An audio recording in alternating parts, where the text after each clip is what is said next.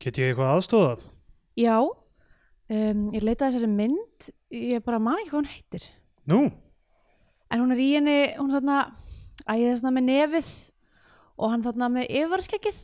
Ég man bara ekki hvað þau heita. um hvað er hún?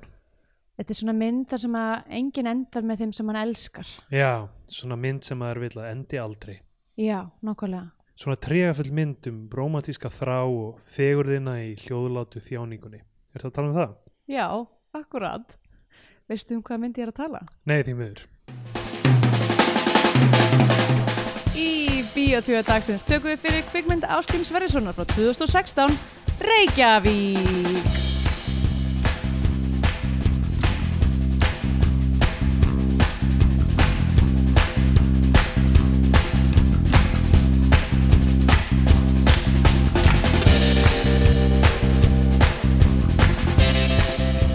Já, komið heil og sæl og velkomin í Bíotvíu, hlaðvarpið um íslenskar kvikmyndir. Á ný erum við fara að taka íslenskar kvikmyndir. Uh, hér með mér er Stendur Greitar og segja hvað? Það er eitthvað svo formulegt. Já, ég meina það er búið að vera, uh, það, februar var Það náttúrulega er topsi, rétt, topsi febrúar er törfi. liðinn. Februar er liðin, nú er komin mars. Já, nú erum við að taka aftur íslenska myndir, uh, al, al íslenska, Al íslenska myndir. hreinræktaðar. Allavega, ég heiti Andrea Björk og hér með mér er Stendur Greitar. Halló, Hæ, hvað segir jæja, herðu, uh, nú uh, kannski bara skemmst frá því að segja að við erum ekki, mars er ekki komin í lífi okkar. Það er rétt. það er februar en þá þegar við tökum þetta upp og það sem að er nýlega búið að gerast er að Íslendingur hefur hlotið Óskarsvelunin hvað? Allt sem þú ert búin að segja hinga til eins og og það sé fyrirfram skrifa. Uh, en þú- Nú er að skemmst á því að segja að Íslandingur hefur hlotið Óskarsvöldinu. já, uh, ég er bara hvað hva finnst þér um það? Hvað finnst mér um að Íslendingur hafi lotið Óskarsvöldinu? Já, Að ég er á móti því. já ok, Okay. Er það á móti verðlaunum fyrir list yfir höfuð að Vissulega. keppni í list? vissulega, sammála En nei, nei, ég ég hérna, er auðvitað mjög ánægð með það Einmitt. og mjög verðskulda hjá Hildi Guðnáttúr að Nú er Hildur komið ígó, það er rétt. vantar bara tíð Ég hérna var, ég Þá horfði getur hún un- unnið þegar eftirsóta Tígó. uh, Já, hérna uh, ég horfði á Óskarsvelunin Jaha, Já hvernig var um, það? Það var mjög áhugavert. Ég hef ekki hort á þau síðan svona, þú veist, í svona tíu ára eða eitthvað, ég, bara í mjög langa tíma. Ég held ég hef einu svona hort á þau áður í heilsinni. Um, og já, ég var að, sérst, að horfa á þau líka með uh, Gunnar Tínes sem að Já, auðvitað. vann að tónlistinni. Já, Þannig að þú veist, þessna... vann by, by proxy, vann hann þessu verðlaun. Já, emmitt. Uh, en þú veist þannig að það var alveg miklu meira, sem sagt, það var miklu einhvern veginn meira næs að því að þú veist við vorum með smá partí bara eitthvað, þú veist og Silla var þarna líka og hún alltaf var með Hildi í Múm líka. Einmitt. Þannig að þú veist við vorum með bara hennar helstu vini þarna Já, í frábært. Berlín og það var svolítið, það var pínu magical sko Ég var, við vorum öll orðin mega sinikal eitthvað svona, þetta er ekkert að fara ekki ákvað Gunni var alveg búin að svona, svona pínu svona drekka frá sér kvíða og var Já, hann svona já. frekar eitthvað svona slópaðir bara eitthvað og hérna En svo eh, það gerist þá var allir mjög káttir. Já, Já. Silla fór að bara gráta hysterist uh, uh, Já, komur á óvart hvað það kom einhvern veginn snerti mig sko. Já, og líka klikkað að þetta hefði gerst á upp á daginn tveimur árum eftir að Jóhann Jónsson dó já, það er frekar magnaði sko. um, en þetta er náttúrulega bara já, þú veist uh, surrealist náttúrulega, maður er eitthvað svona, þú veist, bara eitthvað hér er eitthvað manneski sem maður hefur, þú veist, hitt og bara er mjög venjuleg og svo, þú veist, ég, ég var að geta lengi, ég var að geta mikið að ímynda mér lyktina þarna, eitthvað svona ætla að sé svona stíf, svona hárlakklykt og allir eru gett svona ef maður kemur nær þeim og þá eru þeir svona pínu svona plast Já, já. húðaðir Já, ekki spurning sko. Já. Ég held að það sé örgla... að því að maður sá einhvern veginn það er svo fyndi með að horfa á Óskarinn er að þú veist, það er svona, þú veist, það er þú veist Hollywood-velunin og svo eru svona, þú veist svona trade-velunin sem er, þú veist klipping, Já, já. kvikmyndataka og svona sem er miklu meira svona, þú veist uh, bara svona uh, the art of the form einhvern veginn, þú veist, bara hérna, fólki sem er einhvern veginn nöllar, Já, þú veist og, og það er svo fyndi að sjá alltaf munin á þú veist, plastfólkinu Já, hvað það er vel Og til svo- haft og eitthvað svona. Já, Já, einmitt, og líka er bara einhvern veginn alltaf einhvern öðruvís á litin og glansar meira og svona, Já, já. og svo kemur, þú veist, einhver dweeb sem að vann fyrir, þú veist, bestu heimildar já sjortmyndina eitthvað hljóðvinnsla og og maður er bara eitthvað, djöðlega þessi mannskja, peil Já, Já, ég meina rauninni að bara leikar bara fólki sem eru fyrir fram að kameruna er, er, já, þú veist, þarf að vera svona falleg sko, og náttúrulega fólk talar um það Einmitt. þegar fyrir til LA til að eitthvað vera leikarar hvað allir eru rosalega fallegir sko, þú veist, mm, svona einhver svona standard fyrir ofan fegurð,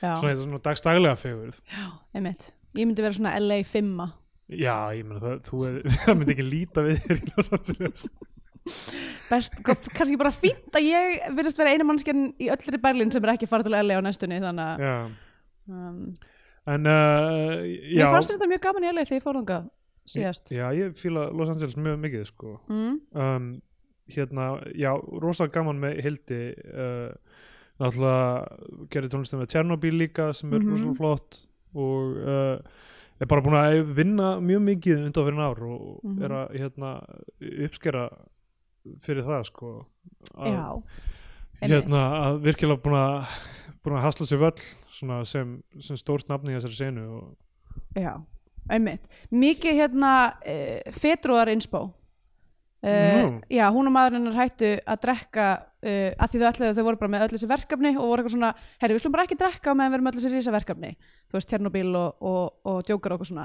já, svo bara heldur þau áfram að því þau voru bara svo ókslega efficient og dugleg og hérna uh, allt sem að ég er að vonast til að gerist fyrir mig já, já. með því að ég hætti að drekka um, Hvernig, hvernig er það búið að ganga annars? bara ágætlega sko mér finnst þetta, mér finnst þetta ekkert eitthvað sérstaklega erfitt sko Nei, það er aðalega, aðalega þegar ég er að horfa á eitthvað svona eins og í þessari mynd og myndin sem við tökum í næstu viku er rosa margir að drekka rauðvín í ramma alltaf já, já þá langar maður alltaf að geta mikið í rauðvín en annars einhvern veginn uh, er þetta alltaf lægi sko Já, Um, en mér finnst þið samt ekkert eitthvað búin að breytast neitt sérstaklega mikið Já, einmitt eitthvað svona rauðvið með mat er alltaf það sem ég hugsa um. já, einmitt, ég, Einhvern ég er til dæmis síðan að februar byrjaði hef ég ekki elda mér neitt pasta Nei, einmitt. af því að ég get ekki hugsað mér að fá mér pasta og ekki fá mér rauðin með Já, það er pínuskrítið, sko. mm. Uh, já, ég var hérna að tala um Reykjavík. já, gerum það uh, Reykjavík frá 2016 Um, já, mynd eftir Áskrim Sverjesson sem er svona meira þekktur fyrir að vera bara Nei. svona kvikmynda... aðal kvikmynda sagfræðingur Já, Íslands eða bara svona, já, einhver svona, svona uh, já, sagfrægur og, og hérna bara heldur, hann er með heldur utan um klapptri held ég núna einmitt og, og, var með land og sinni þar á undan Já. bara vefi og, og tímarit um, einmitt. um og hefur líka kvikmyndir og- gerst og... eitthvað sjómastætti, svona viðtalsseríu já, ég sá eitthvað tíman í einhverju aukaefni eitthvað svona við, viðtal við hvort það var, já, eitthvað leikstöra ég man ekki nákvæmlega hvern sem var og ég, ég held ég veikt um að tala um þetta áður á því mér var svo ó- kostulegt settið sem að viðtalið var á það var búið að svona smíð eitthvað svona, þú veist, eitthvað svona kvikmyndafilmur og borðið var, ef, ekki, ef borðið var ekki actually svona ríl eða eitthvað líka, var eitthvað mega Já. ja. fárlegt sett sem að það var alltaf um, en já, hann var sérst að stjórna þeim þetta Einmitt, og þannig að ég held að þetta sé eina sem að hann hefur uh, leikstýrt uh, í fulltri lengd já, hann, hann gerði einhverja st- svona stuttmynd sem ég Journey to, to the Center of the Earth já sem uh, Gerist það á Snæfellsnesi þá eða? allir það ekki um, ég, já, ég veit ekki hvort þetta er nákvæmlega bara Jules Verne bókin eða, Mm. þú veist, hann eh, kliftist utan frakka Já, uh, og uh, byrju, hann leikstýrði villiljós uh, hérna, einum partinum í he- henni já, Manstu, við vorum búin að tala um taka hana sem voru fimm alveg rétt. Veistu fimm hvaða partur það var? Bittu, ó, já, núna þarf ég að reyna að muna það Það var hana, það sem ég gerðist í flugvillinni með, með Sigurós uh, Einmitt. krúinu og svo var þarna fáranlega, uh, fáranlega dinnerpartið í Perlunni uh, þar sem að þarna Edda Björgvins einmitt Hver á kostum? um þetta munaði ekki núna því að það náttúrulega kemur fram við tölum um það í þættir Já. og svo var þarna fáranlega þarna, slott, uh, hérna, gambling þarna dæmið þar þar sem voru svona, já, sem voru ólittu píurnar. einmitt uh, já, við vísum bara í þann þátt Já. en hérna, já, hann leikstýr grannlega hluta af því þannig að hann hefur þannig sér leik, leikstýrt kvikmynd verið einn af fimm eða hvað sex, hvað verið, fimm leikstýrar uh, já, fimm leikstýrar þessar mynd Mm Uh, já, en Reykjavík uh, er einmitt um d- d- einhvern, einhvern svona kvikmynda nörd Já, einmitt, þetta er svona meta Já, metamynd mjög fyndi sko af því að hún, ég, hérna, hún þú veist, mikið af henni gerist í sem sagt verslun með DFD og eit- eit- eitthvað, eitthvað þannig þú veist, Já. eitthvað svona lítil búð sem selur e-, eitthvað svona kvikmyndar erities Basically og líka bara eitthvað 2000 seríur af Monk Já, og eitthvað svona einmitt. annað sem ég sá upp í hillunum Angel, ég tók eftir fyrst sér af Angel byllu. já, eitthvað svona, þú veist, þetta er svona, svona nexus nema fyrir, þú veist, Já, 2001 gamla bara. kvikmyndir já, 2001, nákvæmlega um, eh, og eh, hann Ég er hérna 2001 en þú til getur ekki verið Kanski fjallar þessi mynd um bara Downfall 2001 já, Sem mö, að- mögulega ha, sko, og þ- þ- þetta dæmi þetta er á Óðinstorgi, sko, þarna við Já. snaps og þar, mm og ég man þegar þetta var svona, og ég held að þetta var alveg búð eða eitthvað í Já, smástund. einmitt En þá var þetta bara gert sérstaklega fyrir myndin og ég held ég hafi verið að, þú veist, drekka einhvern Aperol Spritz þarna út á litla torginu sem var Já. fyrir þann uh, þegar þetta var í gangi og mögulega séð einhverja tökur, sko. mm, okay.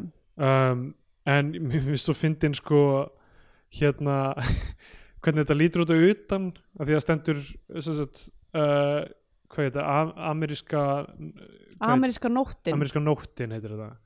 Já, ég reyna að fá þetta upp. Ljósmyndina af þessu ameríska nóttin og svo sko er uh, svona uh, hvað heitir það svona í glugganum, svona text í glugganum þetta Já. heitir eitthvað svona, eitthvað svona limmið þú veist, Já, eitthvað þetta er svona, svona data cloud situation Já. eitthvað. Já, það er bara svona fullt af orðum Mm. og það er svona nokkra myndir, þú veist, gaur að gera þarna svona ramma f- með puttunum fyrir andlitið, Já. þú veist, svona kveikmyndaramma Mhm.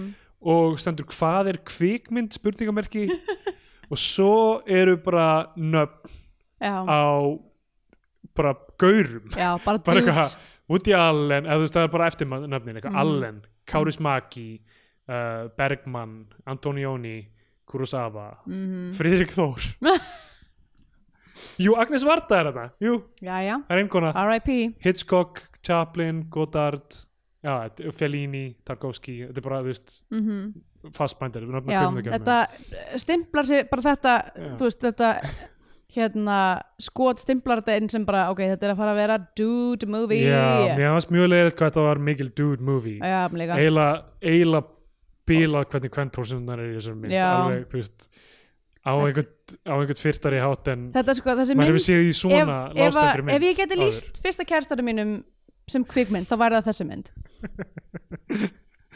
ok, þetta byrjar sem það á því að við sjáum svona svipmyndir af, af höfninni og þú veist uh, svona í Reykjavík séð frá sjó er, sko, ég er velta fyrir með þessi titill af því sem við fáum Já, bara, einmitt, Reykjavík já. er þetta eitthvað svona Manhattan? ég er einmitt að hugsa, er þetta þú veist eins og Manhattan eða Casablanca já, já, eða eitthvað þannig af því að, að það virðist, þú veist, Reykjavík er ekki eins og í Sex and the City, þá er Reykjavík eh, þar sem, að- þar sem að New York borgar náttúrulega 50 al, uh, sjö, 50 alsögu personan hvað erum við búin að segja þetta oft ég er ennþá, Staulast í ég er gegnum ennþá að þessa- stölast í gegnum þetta ég er alltaf, eh, þú veist, við erum bara resting the game og svo gleymi ég því en, Já, hérna, uh, en Reykjavík er ekki persóna í þessari mynd myndi ég að segja nei, eh, mjög langt í frá Já. hún er Eh, ekki til staðar eins og E, mjög lítið það er þessi skot á höfninu og eitthvað svona, ég reyna að skilja þetta í samengi með einhvern veginn þemun í, í þessar mynd uh, Já. ég sé það ekki sko. nei, ekki sam, sammála sko um, og það er svona jazztónlist undir þessu Ah. sem er síðan bara í gegnum alla myndina þessi jazz tónleik, tónlist er alveg óbærileg sko. ég, mér, finnst- já, mér er mjög leiðilegt hvernig tónlistin er í þessu sko,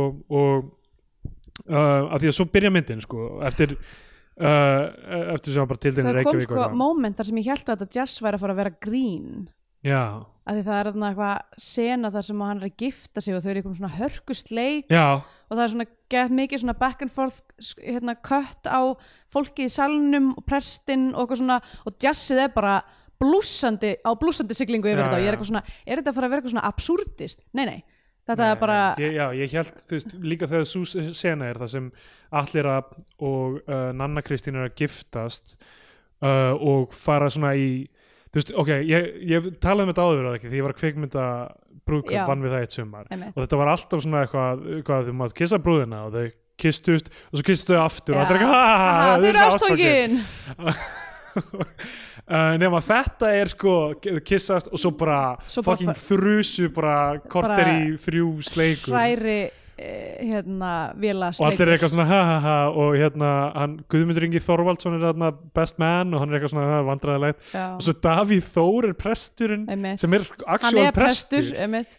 fór það í töðan að þér? uh, hann er samt eiginlega leikari áður en hann var prestur Já, þann, einmitt. en þú veist, mér finnst smá ég get ekki tekið hann alveg sem prest nei, nei, ég meina Þú veist, getur það einhver Nákvæmlega. maður er, þú veist, hvað ef þú veist, maður er að leita sér hjá, sáluhjálp og- Veist, ef, hjá ef, ég, ef ég honum? myndi fara með, nákvæmlega, ef ég væri að fara og leita með sáluhjálpa hjá, hjá Davíð Þór Presti Já. myndi ég ekki geta séð neitt annað en þetta er ritstöru breikt og blátt prestur já, já, og þú veist, maður væri bara eitthvað að tala við hann og, og hérna, um eitthvað alvarlegt og, og, og hann, hann segir eitthvað já, þó að þessi ástfinnur þinn hafi látist, þá myndu alltaf eiga minns minnsjum, um þennan ástfinn já, uh, k- k- hvað, bara eina eh, margar minjar, nei, bara eina minns minna minns Við fundum, það er ein minns sem þú áttum hennar ástfinn eitthvað svona uh, já, ég meina já, það, ég held að þú veist það, það get allir, er ekki gott að prestar séu kannski hérna og þaðan frá en þú veist Jú, auðvitað jú. eins og veluna afhendingar fyrir uh, list það Já. eiga prestar ekki að vera til á mínum mati þannig að, þú veist, ef við erum að miða þetta allt út frá minni heimsýn já, emmitt þá bara, Hildur Gunnardóttir, glemdu þessu Davíð Þór, bara fyrir eitthvað annað að já, gera þú, ert, þú getur gert alls konar annað Já, ég ætla bara, þú veist, ef ég ætla að mála heiminu uppi sem ég finnst henni að vera, Mm. þá á- á á þetta ekki að vera sér. er kannski, ok, Davíð Þór uh, basically uh, hann, hann eh, yfirgaf deyjandi miðil sem er klámblaðið Já, er ég. það er ekki til lengur Mm. uh, og fór í það að vera prestur sem að er hlutur sem að ætti ekki að vera til en mun líklega að vera til aðeilifu Já, er, alltaf það hafi verið svona þetta, þetta, þetta move var svona eitthvað svona job security move Já, já. bara eitthvað hvað er easy paycheck hefur ekki séð svona lista yfir sko eitthvað hvaða störf mun uh, gerfigreind gera úrelt Já, með tímanum. já, einmitt. og það, er- þú veist, það er samt alltaf eitthvað svona rithöfundur, eitthvað svona 7% líkur. eða já, eitthvað, En svo hönnur bara er eitthvað- yfirleitt mjög látt eitthvað svona data entry 100% já, eitthvað, eitthvað þannig tótt. jöp Uh, þannig í rauninni að fara úr því að vera rítstjóri yfir í, yfir í trúabröðu kannski, kannski slæmt að, að þannhátt sko. já, að því að Einmitt. gerfugreind mun gera trúabröðu óþörf ég meina hvernig, hversu mikla rítstjórn þarf samt klámblað Sko, ég er ekki viss sem ég hafi lesið bleikt og blátt bara síðan þú veist það var til Já. og bara það hefur óvart enda okkur tannlæknastofu eða eitthvað og ég er eitthvað svona ú, hvernig með bleikt og blátt og Ég veit ekki, ég er tannleikastofun að sinni segja- þú veist, ég er- hvað ætti ég að hafa fundið það, það tíu er ára bara að eða geta eitthvað, horni í stólinn Já, en hérna e, var, hversu, það var ekkert eitthvað mjög klámþekið, var það? Var þetta ekki bara eitthvað svona ég, ég, ég held að í sit, softcore einhverjar myndir og eitthvað ég held í setni tíma svona undir lók bleikt og blátt þá var það orðið svolítið svona Já. meira blátt Þú- hva, hva, hvað var verið að skrifa um ég? var þetta eitthvað svona var þetta ekki alltaf eitthvað svona greinar um eitthvað svona uh, þessi eitthvað svona, eitthvað centerfold skvísa sem er samt bara eitthvað svona kukka og garðabæ og henni finnst gaman að fara á Nellís og það er, Já. þú veist, það er inntaki í greininni Ég veit það ekki. kannski, eða, þú veist, ég meina, var þetta ekki eins og í öllum svona blöðum þá var bara eitthvað svona, núna ætlum við að taka viðtal við þú veist, einhver tónlistamann eða og ég held ekki sko, Nei, eða ég veit nei. það ekki, ég er ekki alveg viss sko. eitthvað svona bréf til ríðstjórans eitthvað svona, eitthvað vá, ég letti í hennu svakalegu já, ég held að sé alltaf nákvæmna kona mín, hún hefur alltaf gefið mér augu en Mm, svo allt í en- hennu og- mætti hún bara í slopp og bara, og svo datta hann niður um hann og hún var nakin og, já. hvað á ég að gera, hún er ennþá hérna ég, meina, ég er að skrifa bréfið vinsalega svarið sem fyrst Sorry. Já, ég saði henni að býða eftir næsta tímariti en hún er mjög óþólum og hún er ekki búin að borða neitt það er liðin hún fjóru sefur dagar ekki, hún stendur bara nakin hvað á ég að gera Uh, uh, en Erfitt að alltaf, segja. hann, já, hérna myndin byrjar á því að um, allir að og mjög eh, passlegt núna eh, við veitum ekki hvað staðan er þessu núna en Bíóparadís máli, já, allir abstendur við Bíóparadís, horfir á plakkut eitthvað Bridget Bardot og eitthvað já, horfir á plakkat og svo heyrðum við voiceover það sem uh, þ- hann og Nanna Kristín eru og klifti yfir í sem sagt þau eru í, í rúminu Já. hann er svona að strjúka, hann er líkamann oh, nakin líkamann já og talar síðan beint um einhverja Godard-mynd og þarna byrja sko það sem er gegn, gegnum gangandi alla myndina er að hann er alltaf bara wow þetta er bara eins og í þessari mynd já, allt í, stað, er í eins og staðan fyrir að bíómynd. þú veist, aðrin séu o- homage í Einmitt. þá mynd sko. þá er það bara neymað bara. já það er bara sagt og þetta, þess- þetta var það sem var í svaninu líka sem eh, hérna, Tarkovski og eitthvað svona. Já. það sem, eh, þú veist, ég, já ég hugsa alltaf bara eitthvað, ó já beti, ég, þetta er kannski frekar, af hverju er ég það með þetta podcast af hverju er ég ekki bara að horfa á mína fyrstu góð artmynd af því ég hef aldrei séð það hvernig væri það hvernig væri það? já, Einmitt. það var einmitt Nei, ok, sko, í stað, já, mitt, þetta, er, þetta er okkar plikt við gætum verið að horfa á sko, en ég held ég nefnilega veit ekki af hvort því ég að myndi gera það sko. nei, nákvæmlega, ég held að við séum að mögulega fara réttu leiðina að þessu í stað þess að horfa á þessar, þú veist, eitthvað, fran, franska njúefið og eitthvað svona, eitthvað svona það sem allir eiga að horfa á já, og vera þá falla í þetta form kvikmeta aðdóðandans já og nákvæmlega. vera alltaf eitthvað að kvóta, þú veist, ég veit það ekki um, fucking eitthvað, Já. eitthvað drasl Já, að þá erum við að horfa á kvikmyndir eins og uss já, og, uh, og ég held að við séum mögulega uh, að fá betri heildarskilning á kvikmyndum algjörlega, ég, ég held að maður læri mjög mikið að því að sjá, þú veist, allan, alla flóruna að því að, þú veist, ég, er- eins og ég talaði mér að nota letterbox til að, þú veist, skrá hjá mér alla myndir mm uh, sem, sem hægt, það er hægt að skoða það uh, og þú veist, þá er alltaf einhver önnur þriða hver er íslensk já, sem ég er að horfa á fyrir podcastið og ég gef þeim ekki engun, ég bara svona lokka þú veist, ég hafi Já. horft á þær þennan dag og eitthvað uh, en svo eiginlega allar hína myndirnar eru þú veist, eitthvað svona fjögra fimmstjörnum myndir, eitthvað, Já. þú veist, ég er að fara í gegnum kvikundasöguna og ég bara, ó, ég hef ekki séð þessa hérna, William Friedkin mynd, ég er best að Mm. tjekka á henni vera einmitt að reyna að gera þetta, kynna mér kvikundasöguna betur já, og þá er ég að finna allt þetta, þetta, þetta good stuff, sko en ég er ekki að sjá alltaf flóruna í erlendu myndinum af því ég er ekki bara þú veist, að horfa á einhverjar random myndir einhvern veginn Já, sem já. maður gerir eitthvað á nýttir, eitthvað nýttir komið eitthvað random mm eða þegar maður fór á vídeoleik og sá bara hulstur bara best að taka þetta já það er en ég er að fá það út úr íslensku myndinu einmitt nákvæmlega þetta er svona heildar, þú veist, bæði gott og slæmt og allt á milli, einmitt einmitt, allavega þetta er pínu óbærilegt eh, Já. þetta kvikmyndareferens ok, það sem ég nó- nótir það í byrjun á myndinni það er mjög langt, það er sp- splass hérna, að bara basically allar ríkistofnunir sem eru til sem að styrkja kvikmyndir styrtu þessu kvikmynd já, innanraðinni rúf og kvikmyndamiðstöð já, Um, uh, og hérna, uh, ég veit ekki hvort um að þá hefur þá verið sínd á rúf eða frumsýnd þar eða Já. eitthvað hannig ég veit það ekki en allavega uh, ég bara velti fyrir mig þú veist, hvaða fólk er að hvernig þetta gerist já, Þú veist, að því að mér finnst þetta þú veist, eitthvað svona að gera mynd sem er bara eitthvað svona referensa einhverjar útlenska bíómyndir og einhverjar kanonu þú veist, mér finnst þetta ekki hafa neitt með íslenska kvikmyndi að gera þú veist, það er nei. ekkit, það er ekkit við þessa mynd sem að er eitthvað svona að bæta í íslenska kanonu á neitt nátt eða þú veist, Ég get ímyndað mér að þetta hafi litið ágætt lúta blaðið þessi mynd sko af því að þannig séð tikkar handritin í a- alla svona þú veist helstu ég, þú veist, ég held að það make sense á blaði sko.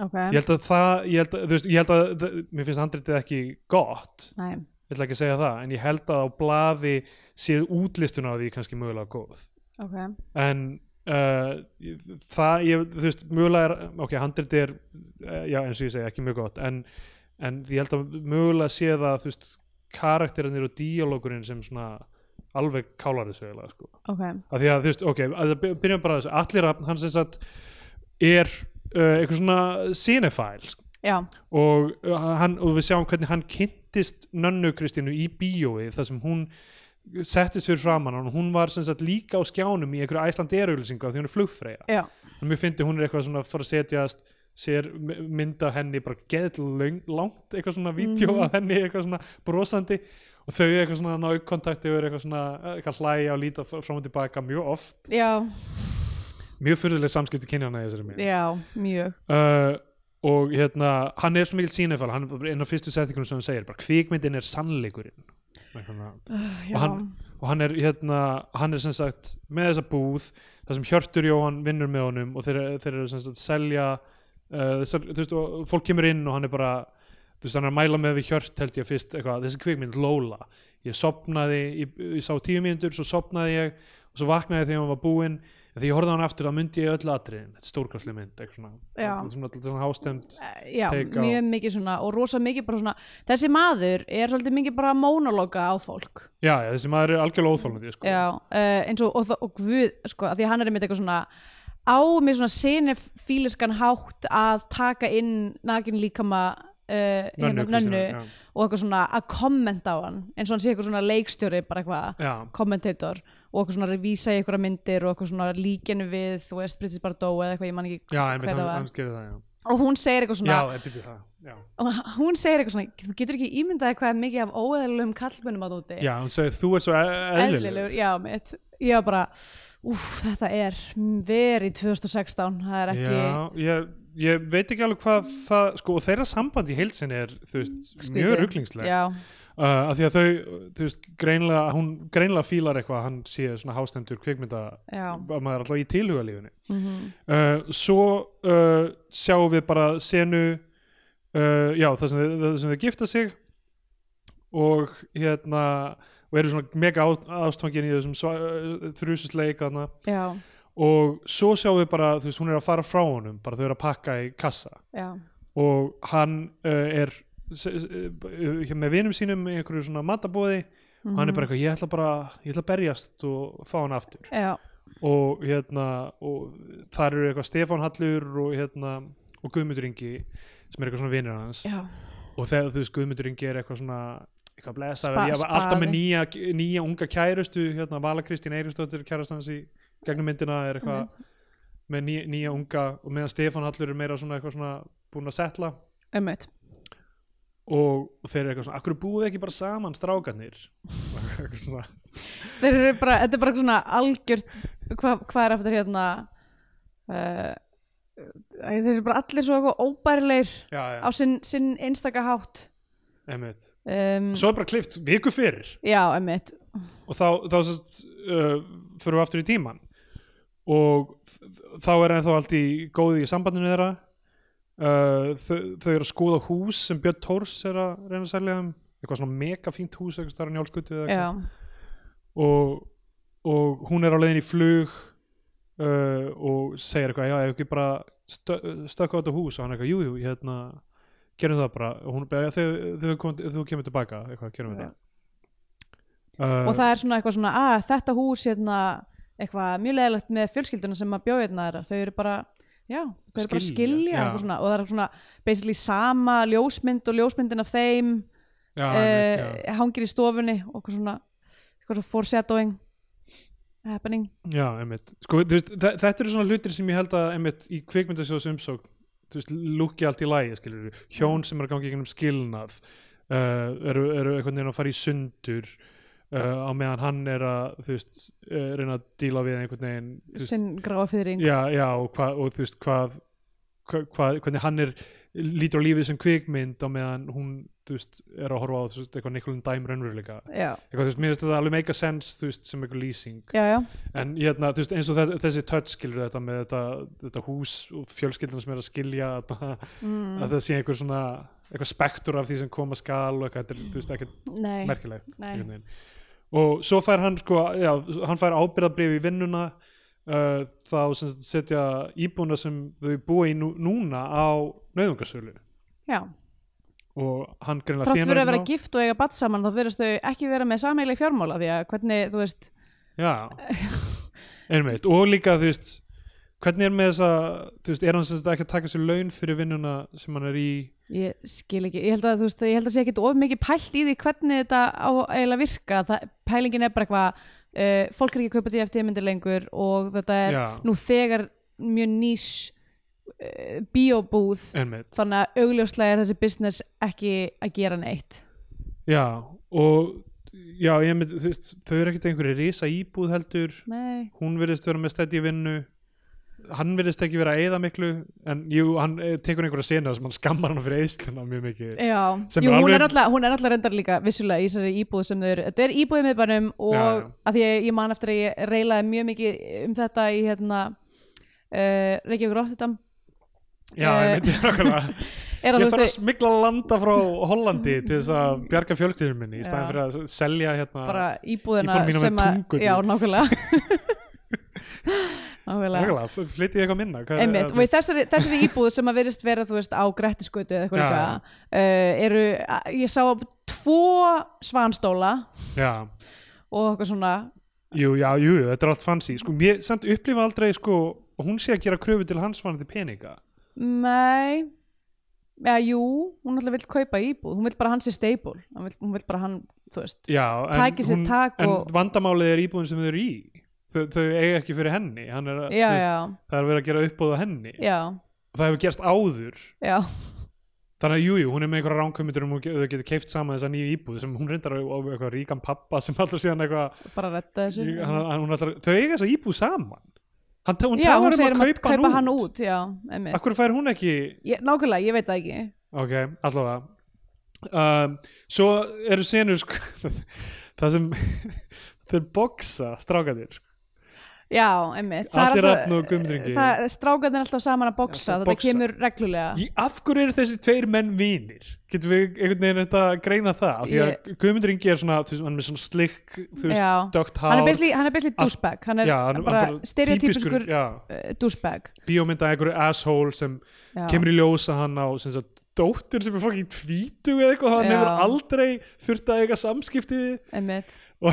hérna Uh, og, og er bara eitthvað með nýja unga kærustu þú veist á hennar aldri hverju viku eða eitthvað Mhm. og er bara eitthvað vinnur í Elko sem einhver þú veist ég skil Ba- einhver elgóspaði, what's that hvað er í gangi með þetta Elko dæmi í þessari mynd af því að hann Nei. hérna er mögulega Það- er hann eitthvað svona verslunarstjóri já. en þú veist hann er alltaf bara eitthvað allir komdu að vinna fyrir mig uh, sko ég held að sé Sem- að gerast ég held að mögulega hafi handritið verið byggt á þessum uh, hérna, tíma þar sem að þú veist, það var ekki búið að- að að negla síðasta naglan Nei, í, í líkistu DFD-sins Já, vídeóleiguna. heldur, heldur var bífið það að Elko var að selja bíómyndir ódýrt einmitt as opposed kannski to verður það handrið til miklu, uh, miklu fyrr Já, af því að þú veist, fyrir mig að horfa á þetta núna og þessi mynd kemur úr 2016 sem er ekkert taland síðan að þá er þú veist, þessi hugmynd um uh, að elko sé að stela við eða, þú veist, ég, mér finnst þetta alltaf absúrt já bara hvað, Af hverju tók, eh, vildi Elko vera hluta af þessu það sem þeir eru málaður upp sem einhver, Já. einhver hræðileg að því þetta náttúrulega er ekki veruleiki lengur ég meina, Nei. jú, það er einhver, það er einhver DFD er ekkert í elko en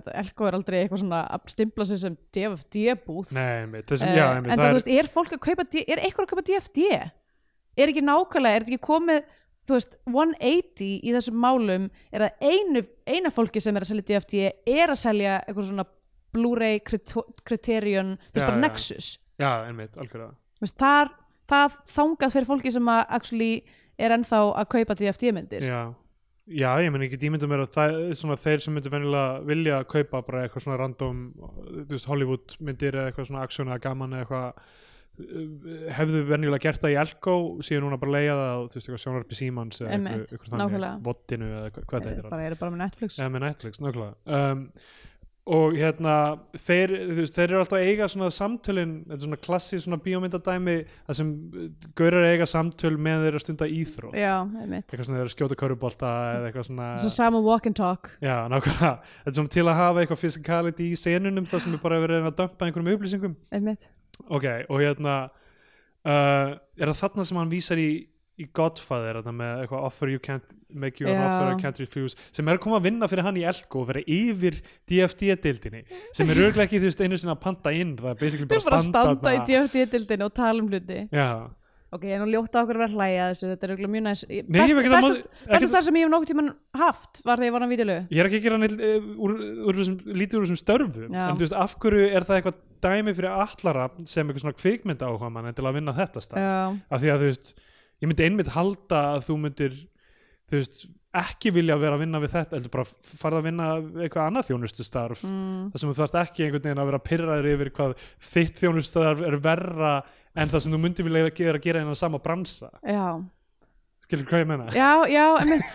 En, Alltaf, þú veist, það er nóg að störfum þetta 2016, hann getur farið í eitthvað annað þessi myndir bara gerða það á raungum tíma mögulega, mögulega það máli Emitt. um, Ok, ég var, að, ég var að nefna eitt. Eh, Þegar að við erum að sjá þetta tilhugalífið þeirra, mér finnst svo fyndið að fylgjast með því, ég veit ég, kannski er, það bara, kannski er ég núna að, eh, að því ég, ég var, eh, ég ætla ekki að, ég ætla ekki að eh, fela það að ég var pínu triggert af þessara mynd. já, já, uh, sem kona sem hefur þurft að eiga við svona menn um, að mér fannst ég sjá allan tíman sem þetta tilhugalífs montas átt að vera að gera, sérstaklega þar sem þau eitthvað svona sitja inn í búðin hans og hann er eitthvað svona að þylja upp á hana eitthvað um já er það að tala um þetta ungu stelpuna Nei, nei, hérna, Nei, Nönnu, já, já, já. og hann er eitthvað að lífið í 20, er bara 24 rammar á sekundu eitthvað, Einmitt. er, og hún er bara með svo blank og bored stare bara út í loftið þar sem hún er bara oh, getur við bara riðið, getur En við eigum, hæ- þú veist, getum við eigum við að hætt?" lesa það eigum við að lesa það þannig að henni leiðist Ég veit það ekki sko, ég bara var að, fann til með leikonunni sko Já, þegar að sitja undir þessu ég, já, ég er mjög erfitt með að skilja nákvæmlega þú veist, hvað, þú veist, hver er hennar afstæða gagvart þessu öllu, þú veist, í- hún verður pyrruð þegar hann er áfram með þessar kveikmyndavísanir einhvern tímann seinna í myndinni mm. uh, en þú veist, er það að hann sé svona obsessed með kveikmyndir er það Vandamálið hans er það eina vandamálið hans eða? er það eina sem fer í töðunar það og peningar eða? í, Ég held að það sem Já, að fara í þú- taugarnar á henni er að, eh, sko hún segir það er eitthvað svona samtal þar sem að hún er eitthvað þú veist, við gerum ekkert saman ég er bara ég og þú ert bara þú þú ert Já, bara, ég er bara mynd, speilmynd af þér ég, ég veit ekki hvað ég ég er veit, hver Þú er veist, orginal ég- þegar, já, þegar þessi setning kom þá var ég bara please segja það næst, please segja það næst og, uh, já, um, að þú veist, er, hún, hún sér þe- eh, hún finnur, að, að því hann er bara eitthvað ég er, hann er fastur í sínu, úling, sínu úlingapersonu basically, já, sem er bara eitthvað ég, minn persónuleiki er að elska bíómyndir og ég er einstaklingur en ekki fjölskyldu eining og hún vill að þau séu fjölskylda og séu samstíga og einmitt. þú veist og, og það, það, er, það er gjáin myndlið Já, þeirra það eiga þess að dóttur og það er alltaf þessi ljósmynd aðeins þessi fína ljósmynd sem þið tóku með dótturinni upp á vegg sem er eins og þannig skilnaðar uh, Mhm. fjölskyldan um, og uh, já, svo þessi nauðungasala er yfirvóandi þau mæta heim til þeirra þú veist, eitthvað, eitthvað, fara að skoða íbúðan út af henni um, og hún bara eitthvað, þú ætlaðir að lofa því að þetta myndi ekki gerast aftur og eitthvað svona um, svo fer hann bara til síslumann og fær uppbúðinu frestað um fimm vikur og það er ekkert mál Já, og það fungerir ekki einu sinni sem eitthvað svona ticking clock element í restina af myndinni því að nei, einmitt þetta bara, Af það því kemur að- aldrei til talsaftur eiginlega. Nei, nákvæmlega, eða þú veist, jú, það gerist að það sem gerist er að hann selur búðina og, og gerir einhverju svona, einhverju svona brunasölu og Já, öllum já. DFD-unum til þess að borga eh, til þess að koma sér af kjölun aftur en þú veist, hann fer fyrst eitthvað í bankan og bankin er eitthvað, nei, við Já, getum ekki að einmitt. hækka yfirdráttinn og svo einhvern veginn bara lagast það Eh, já, uh, já það, þú veist já, ég meina, ok, ef hann, se- þú veist þá kemist hann aftur á þetta, þetta 0 líklega, já, mhm.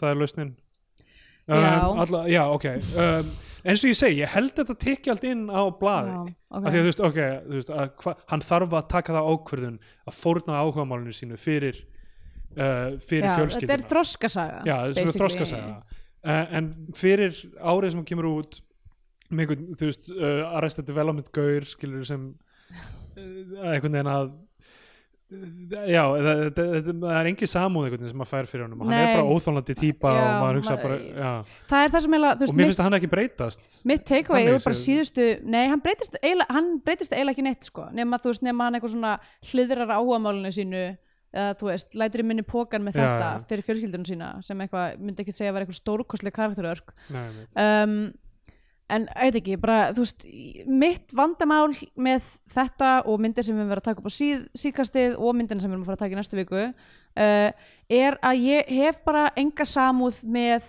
karlmennum í krísu lengur ég er búin að sjá Nei. nógu mikið af myndum um einhverjum miðaldra menn í krísu til þess að ég muni nokkuð tíman finna til með þeim aftur Þeir ta- þeir tala sérstaklega um Þannig- það einhvern tímann í þessari mynd eitthvað svona eitthvað, já þú ert bara eitthvað miðaldra þetta og eftir að vara í tíu ár til þau Já. fyrir þig og eitthvað um, þannig ég veit ekki hvort að það hafi eitthvað með, það, eða, þú veist, hafi eitthvað með eh, hvernig ég sé þessa mynd en ég bara get ekki fundin eitt Nei, sem að hreyfir við mér að því að ég bara já, ég bara finn ekki til með þessum mönnum mér var illa við þessa persónu bara frá byrjun, bara Já. alveg frá því að hann byrjaði að vera með hjálpar hástæ- ekki hans í leikinu allra Nei, einmitt, en þú veist frá byrjun með þetta hástemda kvikmyndatal, hvernig hann klæðir sig hann er alltaf með Já. svona ógirta skýrtu og svona svona bindi laust, laust, lufsulögt bindi Já, og eh, þú veist, þetta á að vera, þetta og jazzin og það myndin heitir, þetta á að vera eitthvað svona Woody Allen dæmi ég geti verið ég bara, ég, ég, tónnin á henni er bara all over the place Það sem að stundum fór- hugsa ég um að hún eigi að vera einhvers konar gaman mynd já, stundum, eh, þú veist, hún er bara ekki nógu fyndin til þess nei og er ég ekki held, ég held þetta eigi að vera svona að því ég meina Woody Allen myndir eru ofta eitthvað svona gaman, Já. slass alvarlegar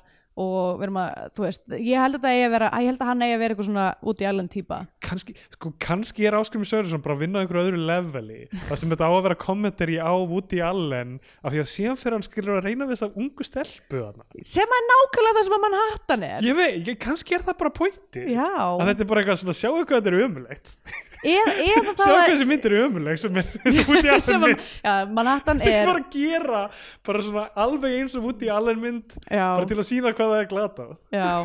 E eða þá að þú veist, ok, það sem að mér erst líklega er að, er að þetta sé homage ég, já ég veit, það, auðvitað er það líklegra auðvitað er það glata sem það er en, þú veist, en máli er að 2016 er aðeins svo seint fyrir þetta já, já. það vill enginn sjá það Já, það vill enginn sjá íslenska endurgerða Manhattan einmitt, þetta er, það vill hvort er enginn sjá Manhattan nei, fólk er nákvæmlega. hægt að horfa út í alveg að því hann er ógeð ég veit, þetta er eh, sko ef Woody Allen væri ekki í mynd alltaf þá myndi ég kannski fara og tjekka aftur á eða, þú veist, einhverjum myndum já, ég hef séð kannski fjórar um myndunum hans eða eitthvað mm, og þá myndi ég kannski vera ok, ég hef ekki séð þessa þú veist, það hlýtur að vera tilhengið til þess já.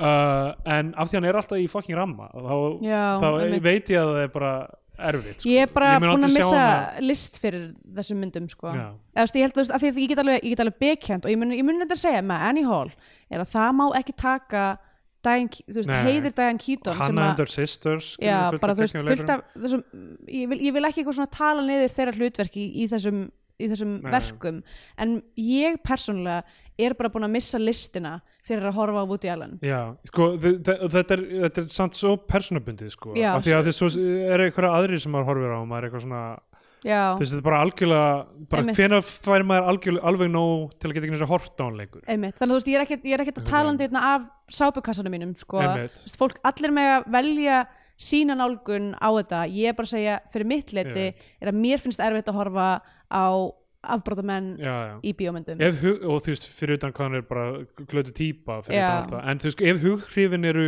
samstundis skilur, þau eigðilega fyrir þér þú Einmitt. veist, af því að það er það sem þetta er kvikmynd, þú horfir á hana og vekur einhverja tilfinningar hefur ef tilfinningar eru samstundis bara eitthvað fuck, Já. eitthvað, Þetta Hvað er átti að mjög gera? ó- þú óheppilegt. veist, ég get ekki heyrt Michael Jackson lag lengur á þess að Nei. hugsa um Einmitt. hvað hann gerði, en það var, tók langan tíma fyrir mig af því að ég var alltaf bara eitthvað, funky þessu skilurðu. Já, þetta er fókin gott, þetta er fókin en Þú veist, bara hughrifin er ónýtt fyrir mér, Já. er alveg ónýtt nákvæmlega. ég get hlusta á fullt af tónlistamönnum sem ég veit að ef voru assholes en það var bara ekki komið að það stað fyrir mig Einmitt. þannig að ég, ég veit ekki ég veit ekki hvað þú veist ég veit ekki hvernig þetta virkar Þetta en er, þetta er náttúrulega, þetta er Þetta er allt bara rosalega persónulegt. flókið af því ég, ég, hérna, ég var hérna gestur í Sleigðu um daginn sem er já, Buffy uh, podcast Hulla og, og Söndri Barili og við vorum eitthvað að tala um Fred Armisen og ég fekk eitthvað svona myndi eitthvað svona að Fred Armisen er eitthvað ógeð ne, ég held að það hafi bara það var eitthvað eitthvað svona hit piece sem síðan aldrei neitt meira já og svo ég, sest, að því ég þurfti að rifja það upp að því ég var eitthvað Já. hvað ég get, ekki, ver- ég get ekki verið að tala eitthvað út í lofti með þetta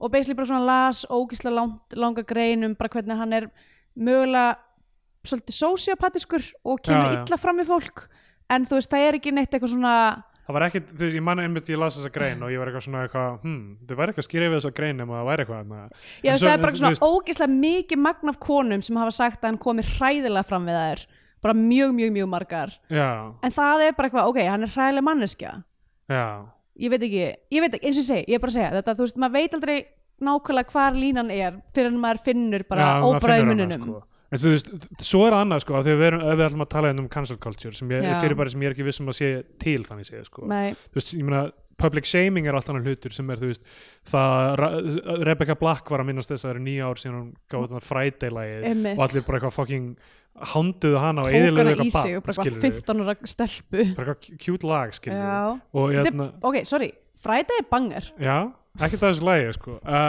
uh, hérna, en já, þú veist, það er alveg fyrirbæri sem hefur alltaf verið til, sem er svona, svona mob Já, justice eða svona hóp nýð og útsköfun eða eitthvað þannig einmitt, og svo er talað um þetta í sam, sam, sambandi við þú veist, núna er þetta þú veist, ríkt valda mikið fólk sem er að fá þetta á sig sko. Já. og það var alltaf að byrja að tala um þessum cancel culture af því að það er talað um eitthvað svona efnahagslegar afleiðingar fyrir þetta fólk einmitt þú veist að, ó, hvað hva á hann að gera hann bara að hætta að vinna sem eh, me, multimilljónir, þú veist, kvikmyndagerðamaður Eitthvað, já, Já, ef þú vilt vera listamaður findu, ef eitthvað fólk vill en þá vinna með þér sem listamanni eftir að kemur í ljós að þú, þú ert framleiðandi eins og Harvey Weinstein sem gerir það sem hann gerði ef þú finnur eitthvað fólk sem vill vinna með þér og veita þessu, er, bara gerðu eitthvað list með, því, með því fólki, Já. ef listin er það sem skiptið í máli nákvæmlega það er fullt af strögglandi listamönnum þannig úti sem er ekki Nákvæmlega. að fá allan að pening uh, og margir sem komast aldrei í þína stöðu nákvæmlega út af því sem þú gerðir Mm. ok, en, en þú veist, ég veit ekki til þess að séu dæmi sem, er ekki, sem hafa ekki farið ekki um dómskerfið eins og Cosby og Weinstein og eitthvað Já. þannig það sem þetta raunverulega hefur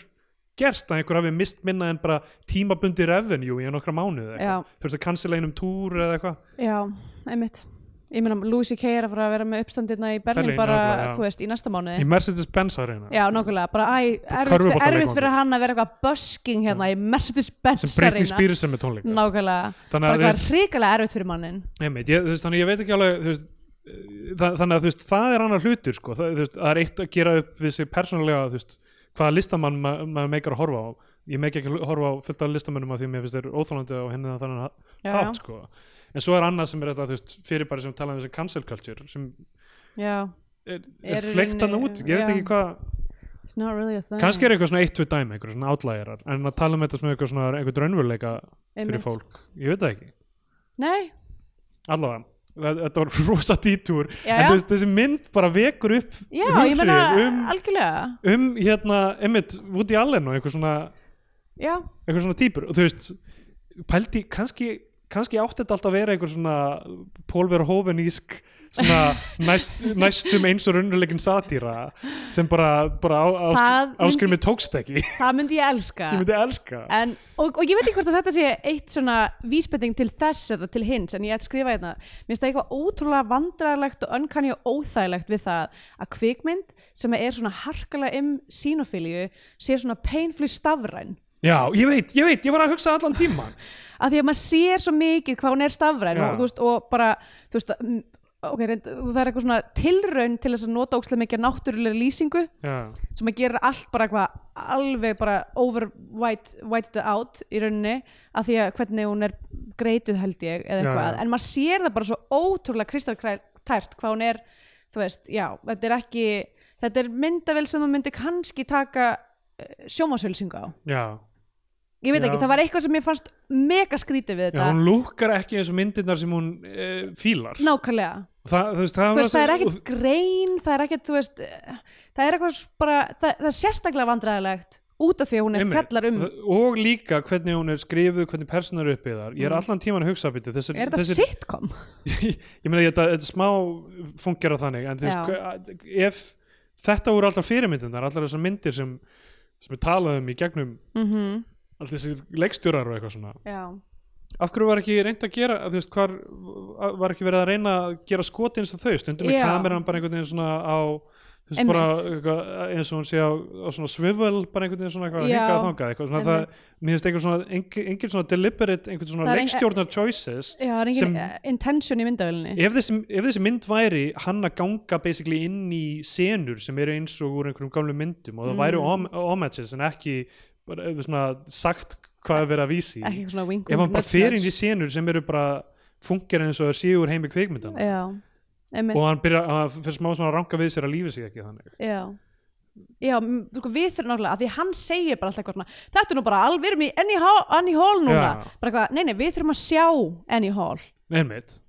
það er það, þú veist við þurfum að fá þau hugrið, við þurfum að sjá- sjá hvernig er, er hann að sjá þetta eins og Annie Hall einmitt en ekki þú veist hérna þetta stafræna mm uh, þennan stafræna ramma sko. uh, nákvæmlega allá, ok, hérna En sko, ef þetta er eitthvað svona Paul Verhoevenist dæmi, þá myndi það make a sense já, það myndi það meika sens af því að hans myndir er einmitt eitthvað svona alltaf svona gringila plastlegar Já, bara, hann gerir bara hann gerir bara fasisma, hann gerir bara, Já, nákvæmlega bara eh, svona sexploitation eitthvað dæmi, Einmitt. hann, hann bara gerir þessa hluti eitthvað svona Robocop, eitthvað svona lögreglu futurist ríki eitthvað svona. Nákvæmlega, og svo kemur bara eitthvað svona Einhver vél svo eða- kemur bara svona lokaraminn og þá er eitthvað svona, svona, svona blikkar mann hægt Ég meinti það ekki neitt af Nei, þessu. þetta er bara grín, krakkar, þetta er allt grín Hvað, bara jástu, ég djók. meinti þetta, þetta er eitthvað heimsku Heldur ég sé alvöru fasisti Horfir þú að þennan leik í Showgirls og hélst að Já. ég var að meina þetta Heldur mér finnst þetta sexy sem Elizabeth Perkins var að gera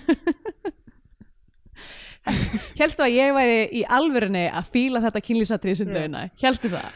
Uh, allavega, Lol. hérna ok, allir að fer í Elko bara til að hitta ég, hvort hann fer til að hitta guðmyndinga eða hvað en hann finnur þar uh, Nilla og einhverja aðra gæra Hvað er sjómla? einhverja skammar á akkur er það að vesla hér þegar það er að vesla í minnibúð af því að þetta er greina svo fastagestir í Já, honum einmitt. sem fara síðan að köpa Og svo- stjæft í Elko Já, svo, e, svo enda þessi gæjar á að vera eitthvað svona Greek chorus já, fyrir hann sko, ok Uh, já, hvenær segir hann þetta með vísun í myndi eftir Truffaut hvenær segir hann það eftir? Æ, ég veit ekki, ég skrifaði það bara, þú veist, hann, af því hann er alltaf að nefna það hann fær uppbúðin alltaf að fresta svo tekur hann þetta dæmi á nönnu þar sem hann er kvart yfir eðslunni henni, bara Já. hérna er allt fín húsgögn, allt fínt, þú ert í rándir í peysu er eitthvað kvart í henni svo fyrir hann, eh, við erum komið mjög stutt inn í myndir Ég veit það hérna, hann, hann er í búðinu sinni og er að skafa happafrennur Þetta er aftur hvaða bíómynd? Öff. Þetta er auðvitað, sko ég vissum að hvert einasta sena er einhver reffi, sko. Já, eða þú veist, þessi bíómynd specifíli er, þetta er eh, mynd þar sem að hérna, þar sem að, hvort það sé Nicolas Cage, eða ég man ekki hver það er sem að vinnur á happaþrönni og hann er búin að lofa að deila henni með Já, hérna, if, if this could happen to Já, you eða eitthvað hannig.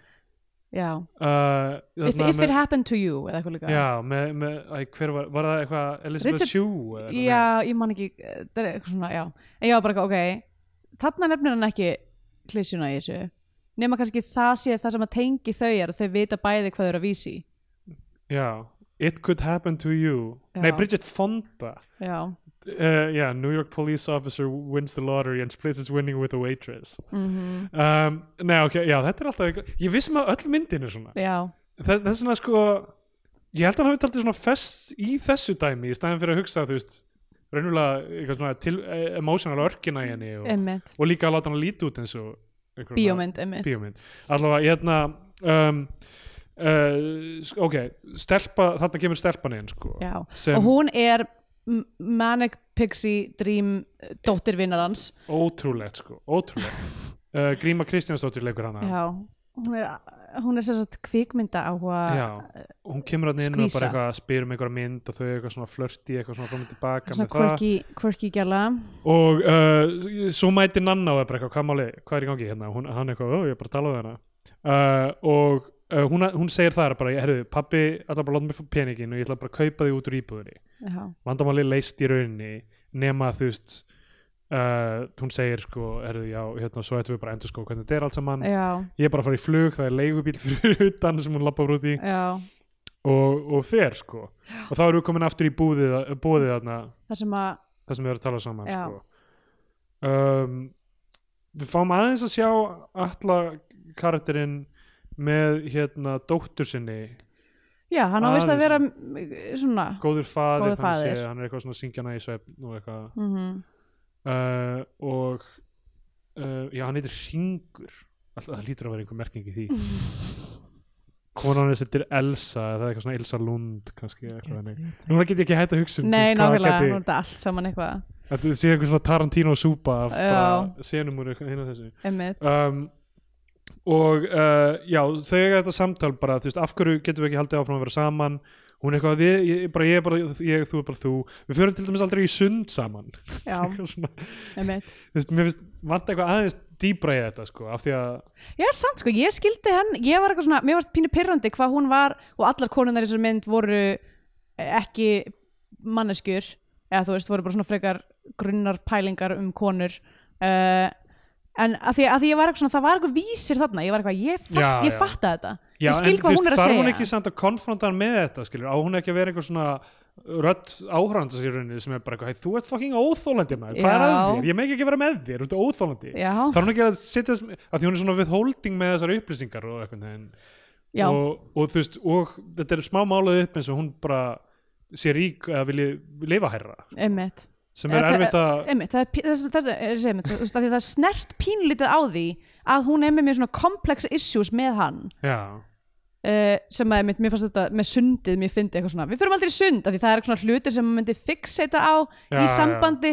sem eitthvað svona oh, við fyrir aldrei í sund einmitt þannig að mér fannst, það, mér fannst eitthvað vera eitthvað sannleikur þar en svo einmitt, Það restin er- af þessu er málað sem eitthvað svona hún vill bara eitthvað uh, þú veist, hérna Ég lifa sta stability herra, og þú veist eh, hérna Þú já, veist, það- þ- þ- þetta er allt einhver staðar hana í hugmyndavinnunni, ég held að bara komi, þetta kemur ekki fram í Já. myndinni um, og uh, hún hérna, já hún, hún sem sagt um, já, herrðu, svo er hann hann er einhvers staðar niður við höfn eða eitthvað með vinni sínum sem Guðmundur ekki leikur uh, og þeir eru eitthvað að panta sér mat eða nei, hann er eitthvað, með dóttu hann sinni er með dóttu sína, hann kemur sko. já, þau eru, þau eru að panta sér krabbaborgara ég var Já. að segja eins og er, ég skrifa þetta hjá mér af því að ég var brjáluð eftir þessi sena klárast þá er, þau- setjast þau niður til þess að borða þessa krabbaborgara og allt í henni er hann eitthvað svona, heyrðu, ef við ekki bara fá okkur ís og þau lappa í burtu á þess að borða borgarana Vá. og þess vegna hugsaði ég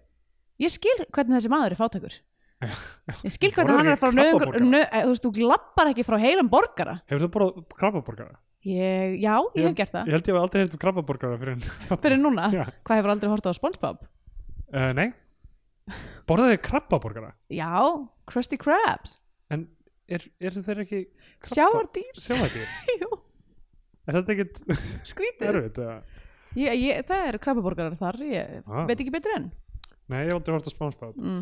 um, Sko, þarna flýr sem sagt Guðmundur Ingi af því að hann sér þrjár konur koma labandi og mér finnst þetta mjög fyndi af því að hann sjá hann sér uh, hérna kærustuna sína sem Vala Kristín leikur hann sér stelpuna úr búðinni Já, ungu stelpuna og svo eða þriðukonuna einmitt og Þriða konan er barnsmóður hans þriðukonuna sem bandmóðið hans og stelpuna úr búðinni er einhverjum dóttir hans Já af hverju voru þessar þrjár mannskir að hanga saman Það er að því að stelpan sem hann er að eh, hérna, deyta er besta vinkona Já, Dóttir hans. og það var bara með mömmunni síðan Já, þarna á höfn þeg, að, hanga með mömmu annar þeirra að koma á stað þar sem hann líklega sagði kærisinni að hann væri að Já, ég held að Koma. kærastan hafi verið að mæta af því að hann hafi sagt að hann væri að fara og þangað Vala hefur aldrei sagt nafnið hans við Já, einhvern veginn kær, verið- vinkonu sína sem sagt. Ég- nema þær vit- vitið allar og séu bara svona haha, þetta er nú fyndið Já. Man við skulum ekki allar, ko- við skulum allar koma hann á óvart og, og hérna, koma hann hann í heitir uppnám Tolli já, hann heitir, það er fokking tveir tollar tveir Mortens og þessi já, gæjar. þú veist ef einhver heitir Tolli það er bara, veitir Tolli, er það meina pappi minn er það, er þetta þetta Tolla já, já, Mortens, já hvort er einmitt. það er, al- en byrju, ertu með Tolla Mortens eða með pappa mínum, það já. segðu mér hreint út eða uh, tollstjórin er kannski stundum kallaði þetta Nei, allavega það sem er allt með sín nöðungar uppbóð þá erum við búin að komast að þessu að stelpan sem hann var að reyna við í búðinni er Dóttir, já. dóttir, dóttir vinnar hans og þetta er náttúrulega óþólandi já, af því að þú veist, hvað er þetta í raunverulega að gera fyrir þú veist, þetta er að skapa eitthvað konflikt milli hans og vinarpersonunar en er bara að gera hann einhvern veginn svona extra gross Já. einhvern veginn og, og bara, já, þetta er bara mjög, mjög, mjög slímugt allt saman Já, já. óþólandi uh, líka af því að myndin er raunverulega aldrei þú veist dæmir þetta einhvern veginn sko. þetta nei, það er eitthvað svona ein, einu sinni það sem eitthvað svona þú veist, það er eiginlega meira svona ljótt að hann sé að sofa hjá dóttur vinar síns en Jú, að hann sé að það er- sofa hjá svona ungri jú, náttúrulega stelpu. mamma hennar sp- sp- springur á hann þegar, þegar þau koma heim eitthvað, En hún, það, við, við munum tala um það senna því hún er út í hött Já. koma að því okay. um, sko, ok um, hérna, hann sem sagt flýr þetta og þá er eitthvað, ó, ok ég, hérna, ég, ég er dóttir hans það er ekkert samband á milli mm. Mm. hún er greinlega orðin svona 20 ára, hún er í háskólanum já, hún er í kvikmyndafræði háskólanum og hún er einhvern veginn búin að búa þessu landi með honum í 20 ár og það er ekkert mm og það, núna allt í hennu er hún byrjuð eitthvað svona hún er að bre- bregða fyrir já, já, eitthvað. einmitt hún er Og ekki ég- búin að vera ég- að koma í bíóbúðin hans síðan hún var eh, lítil stelpa já og, og bíobúð vinar hans sem sagt. já, já, meinar, já, ok, það var að tala um nei ég, nei, ég er að menna þú veist og síðan þú veist, hann er líklega Facebook vinnur nýju kærisum sinna og sér ekki að þau eru já, já, einmitt kannski, eru þau, kannski er hann ekki Facebook vinnur hennar og dóttur sinna, Einmitt. ég veit ekki, þetta er allt mega skrítið já, ég held að á Íslandi þurftir, þurfir að vera einhvern veginn já, já, þetta meikar ekki sens nei um, og uh, já hún, hún daðrar aðeins við allarab meira svo er eitthvað senað sem hann er í klessubílum með dóttur sinni og eitthvað svona hrínur í jörðin og ælir hvað var það? ég, bara hvað lífið er að berja niður já, kannski er þetta vísun í ykkur á bíómynd sem við hefum ekki séð öruglega uh, svo, svo er hann í búðinu sinni, Guðmundur ekki mætir með nákvæmlega tvo bjóra já, í flösku, það er vísin öruglega bara í trúmannsjó af því að, ma- manstu að maður er alltaf að mæta með kipp og bjór alltaf þegar, þú veist, trúmann var eitthvað svona að byrja að fatta eitthvað að- það já. mætti vinur hann þarna með kipp og bjór bara nákvæmlega þá bara til að eitthvað svona tala hann niður um, og, og að, svo er síðan á Solon þar sem þau eru að ganga frá skilnaðinum saman uh, hann og Nanna og hann bara leggur fram skilmála sem er bara allt í lægi og það er, já. það er allt í góðu með það þessi miðpartur af myndinni er m- mjög mörld í haustum á mér af því það var, það var bara svona eitthvað röða vatriðum sem að voru hvernig, já, ok, hlutir eru að gerast Já, voða La, la, lítið í la. húfi skilur, maður vill að hann uh, hætti með þessi, verða ekkert með áfram með þessari kona því að já, bara það er ekki gott fyrir neitt Já, sem er þetta því, sko, aftur, aftur, ég held að þetta fungir á blaði af því að þú síðan sko kemur að þeim, þeim punkti að sem maður hugsa ó, hann ætlar aftur að vera með henni, það er ekki gott en svo fattar þau að þau sé þau eru betur heima í sundur sko. já, já, emmitt, þú veist þannig að eitthvað já, ok, örkin meikar einhvern sens bara skortir allavega einhvern veginn þykkt í hana sko. emmitt af því að þess- það sem gerist er eitthvað við sjáum bara eitthvað svona þau eru að skilja, pappírar, bla bla bla hanga með dótturinni, hugsa sinn gang gaga, svo er þú veist, hérna, sjómli- sjómlavinurinn er eitthvað Já, svona, þú já. er bara að ríða herðu, Einmitt. förum hérna, förum á ölstöðuna Ok. okay. miðjan dag þetta er að finnast það, þetta er að alveg að finnast það af því að þessar kvennpersonur eru, þú veist, úr, úr hérna bara sjókölsi eða eitthvað sko. já, emmitt Þetta er alveg þær hérna. mæta þessar, sko, það eru tvær sko þessar, þið fara á ölstofuna já, hann er búin að vera um að reyna- miðandag, það er Já. sólinn streymir inn á já, barinn hann er búin að vera að reyna að sannfara uh, Guðmundum að hitta dóttur sína já, sem er stelpa sem hann er sem í skotinni hann er eitthvað, þú verður að mynda samband við hana hvað, Mjög hvað- skrítið. hvað er það sem hann vil já, uh, og hérna, hann er svona, svona meandering aðalpersona, þú veist, hann er ekki með hennar raunröla löngun í já.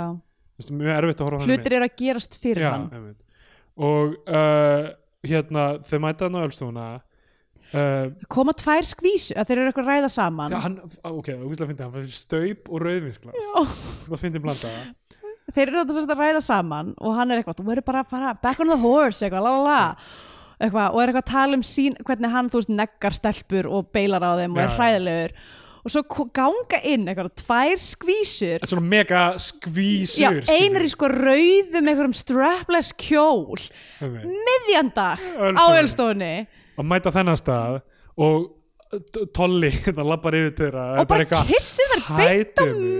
munnin það er á að vera af því að hann þekkir þær úr gymminu já, en f- hvaða fucking Hvað- weird og tekur Gym- utan um þær báðar eins og hann segur Hugh Hefner Ugh. og, og svo- hvað gym stemming er þetta? hvað gym er hann að fara í þar sem að þetta er þetta, þetta boxing Mótið, gym þarna já. sem er mjölnir held ég ok, pff, jæks og uh, ha- hann hérna se, sest niður með þeim og þær Og þá- eru til í tuskið þær eru bara eitthvað, fáum okkur Cosmo já ok, önnur pantar Cosmo, hinn pantar Sex on the Beach á Ölstofinu miðandag eru, eru þessar konur til Já, og svo mætir Nanna Kristín Já. með Bitni Tórs bara randomly þarna, eitthvað, það er hæ, allir að fara á ölstofuna um miðjan dag Já. er þetta Reykjavík? mögulega er þetta Reykjavík kannski er þetta eitthvað svona skot á hvernig Reykjavík funkar Ég, veit, ég held að við verðum að kjósa að lesa þessa mynd sem eitthvað svona pólverhofiníska takedown á Takedown á Reykjavík Reykjavík, Reykjavíkski mynding og, og sko, og hann bara, akkur þetta með Bitni Tórs eitthvað, fastegnasalunum okkar bara, við erum gamli vinir og mentó sem hún segir alltaf og er mm. rétt og hérna, þá uh, sendir hérna Tolli aðra stelpuna til hans til að vera eitthvað svona sexy og eitthvað kvísla, eitthvað contest eitthvað svona, til að gera hann afbrýðsama og, og hann fer með henni og þau setjast í sætin hans einhvern veginn, eins og þau hafi verið að býða eftir að hann færi sig Já, einmitt. mega skríti blokking einhvern veginn alveg Já. svo sest hann hjá þeim og horfir á svona þessum nann, nann og Björn Tóls ákveða að fara og þá segir önnur stelpa með hann ekki vera dabur, það er það fyrsta sem hann segir við hann og hann er bara eitthvað óþólandi bara eitthvað, eitthvað, ó, eitthvað, ég er ekki dabur, ég er flókin ég er flókin hann bara eitthvað hætti að vera svona óþólandi eitthvað. hann fer út stendur á miðri, miðri hérna, austustræti, horfir á trúbator eitthvað trúbator að spila hann bara horfir á og þessi trúbador er um, leikstjóri hann já, gæinn sem að gæinn sem að, eða þið náttúrulega mistuð af því þið komuð ekki í áramótapartí þar sem hann plataði mig til þess að syngja what? heyri mína bæn hvað er þetta að tala um? þessi gæis, trúbadorinn í þessari mynd hann leikst í skaupinu í fyrra, sérst ekki núna sem var að gera Já, þetta sem er gerði þar á Kristoffer undan. Dignus eða? Nei, ó, ég man ekki hvað hann heitir Fuck, ég man ekki hvað hann heitir Náttúrulega hann leggst til líka hérna hérna önnusvefu þáttunum Já. sem að voru hérna Líaglað, í líkla, já, þetta er ekki reyni Lingdal eða? nei Arnór Pálmi Mm. Já, Arnar Pálmi, Já. þetta er hann uh, Allána, hann er hérna bara eitthvað randomly að eh, taka Já. lagið og hún, svona, fucking stelpan er inn í 10.11 og starir á hann út og er bara, wow, ha kemur út og byrjar að syngja með hlutir sem að gerast á hverjum einstu degi Og hann- í Reykjavíkuborg hann tekur utan um hana og þau syngja saman lægið með trúbadónum og svo labba þau bara eins og þau séu par svona haldast í hendur Mhm. mm. ógislega skrítin orka Ég bara, allt dating dæmi í þessari mynd er það, mér, já, ok, ég ætla að byrja, byrja að lesa hana sem fer hófin Já. mynd hér í það ég ætla að það sé, stendur það nokkuð á glugganum fer Við hófin hófin, það væri náttúrulega það væri gegn það væri, þá væri þetta Jarmus, confirmed. Scorsese Nei, þetta er Nei. Palma, ég er ekki sem við erum hófin hérna. Kannski er hann viljandi skilin út undan Til til, þess að að- maður lesa þetta ekki of skýrt. um, Herru, og þau bara fara ykkur upp í Kópavog já, að banga já þau gera það þau aldrei. banga samt ekki Nei, einmitt. Hún, hún er Hún bara- bara, hún er eitthvað, bara "Komdu- komdu heim til fóreldrar minna Já. sem eru örugglega á þínum aldri já, í Kópavogi og farin í herbeggi og hún er með einhverja myndir úr bíómyndum á veggnum og gísla furðulega svona plasir þar plaseraðar já, einmitt, og hérna og þau, og hún segir eitthvað þessi mynd Lola, ég sopnaði því að horfa á hana og svo vaknaði ég og svo myndi hana Ég sko held að þessi kapla allir að þetta var svo skrítið hvernig það, þú veist, hann- hann er að horfa á hana trúbador hún kemur út og þau syngja og svo bara eitthvað svona ég var eitthvað, er þetta eitthvað dream sequence? Af því að síðan segir hún nákvæmlega saman hlut og hann Já. sagði um Lólu einmitt, en það er aldrei útskýrt af hverju hún var með nákvæmlega sömu upplifun já, þannig að ég var, ég fann mig nöðbeigða til þess að upplifa þetta sem eitthvað skonar, eitthvað töfraraunsæi já ég held að þessi- öll þessi mynd sé eitthvað draumur þú veist af því hann, svo, náttúrulega, hún- hann er að ímynda sér þetta allt saman af Já. því að hann er að sendur fyrir utan bíóparadís í byrjunmyndina Ah, já. og svo endar myndina því hann, hann ennþá að horfa á sama plaggat og lappar inn í bíóparadís hann var að hugsa um þetta allt saman og þannig að þetta er bara hans minning að þessu öllu saman. Já, en, þetta er hans minning sem var eins og bíómynd í haustum á honum af því að nefn, í- illa já. bíómynd í haustum á honum, þetta var lífið mitt upp á þessu og make a sense um einhver örk en það er allt svona, púslinn passa ekki alveg saman Já, einmitt. Heyrðu, ok, ég fíla þessa mynd núna uh, og þau horfa saman á Lola þau sopna, va hann vaknar Já. horfir á hana, svo fer hann í styrtu já, og hérna í húsinu bara, það er ekkert búið að gerast nema hann sopnaði já hann Nei, bara fer í kannski, styrtu kannski svitnar hann ótrúlega mikið í söfni þetta er bílað, þetta myndi mig á hérna uh, Teitur Magnússon tónlistamæður komið sinni heim til mín og baðum að fara í bað af, af hverju þetta að segja þetta, ég er að fara að segja sög Ó, ok, nei ég var ekki já, hann þetta, hérna, það er pönslæni hann, Ó, bað, ok, hann hérna, kom til mín við vorum eitthvað að tala um að ge- eitthvað, gera eitthvað tónlist saman þú já, veist, uh, ég hef kannski verið svona 25 eða eitthvað mm, og við þekktum ekkert mjög mikið, hann hafði aldrei komið heim til mín áður eða eitthvað, Mm. við höfum aldrei verið tveir saman þannig sé áður einir Var hann ennþá þá að vinna með djástnlúkið þar sem hann var stuttarður með hérna, hann að skrýtna bassan og það allt skrýtna bassan Hann á svona, svona, svona pastellitaðan bassa sem er svona óreglulegur í læginu og hann var alltaf með hann geðveikt hátt upp ég var, þegar ég var með hann í slugs, ég var með hann um hljómsveit já, um, að þá var hann sérst með þennan bassa og var að vinna með eitthvað svona algjörst kórdrengjalúk sko, ok uh, allt annað en í dag uh, hann var ekki orðin svona mega skeggjaður sko. Nei, einmitt, Uh, uh, clean seven sko og hérna, já, sagði allt í hennu bara eitthvað upp á þurru, heyrðu, má ég fyrir í styrtu hér og hérna, Já. og það var ógæslega fyndið, sko ég, ég veit ekki hvort það hafi mögulega verið eitthvað grín á þessum tíma af því Geirharður Þorstinsson uh, sem hann var uh, hérna gítarleikarinn í slugs já, hann gerði þetta líka að kannski koma var þetta stundum, eitthvað koma, slugstæmi koma stundum í partí og segja eitthvað svona heima ég fari í bað ég held samt alltaf að vera því að hann var rosa mikið eitthvað svona huglið á þeim tíma og var eitthvað svona þú veist, ég veit ekki ná- ná fór hann það liggja alveg í bleyti. bað já, hann fór í bað, allavega Ok. Ah. heima hjá mér wow. uh, þannig að kannski var þetta eitthvað eitthvað grín sem að, já, kannski var var í þetta eitthvað gangi. pæling til að svona rugglaði fólki já, mér fannst þetta alltaf mjög fyndið, sko já Uh, hérna, uh, allavega, hérna, hann fyrir í styrtu og hann er alltaf með þessi- þessi allaraps tattoo sem passa ekkert við hann karakter nei hann bara sýnir allt í hennu öll tattúna og svo er bara, Einmitt. eitthvað, hver er þessi maður? Nákvæmlega. af hverju á hann þennan vin og boxar með honum og meðan hann er einhver svona výrd og Ég sínefíl sé sem það. getur ekki talað við neitt Nákvæmlega. ég b- b- meikar ekki sens fyrir mér ok, uh, svo sko hann vissi að fóreldur, það var búið að koma fram að fóreldarnir,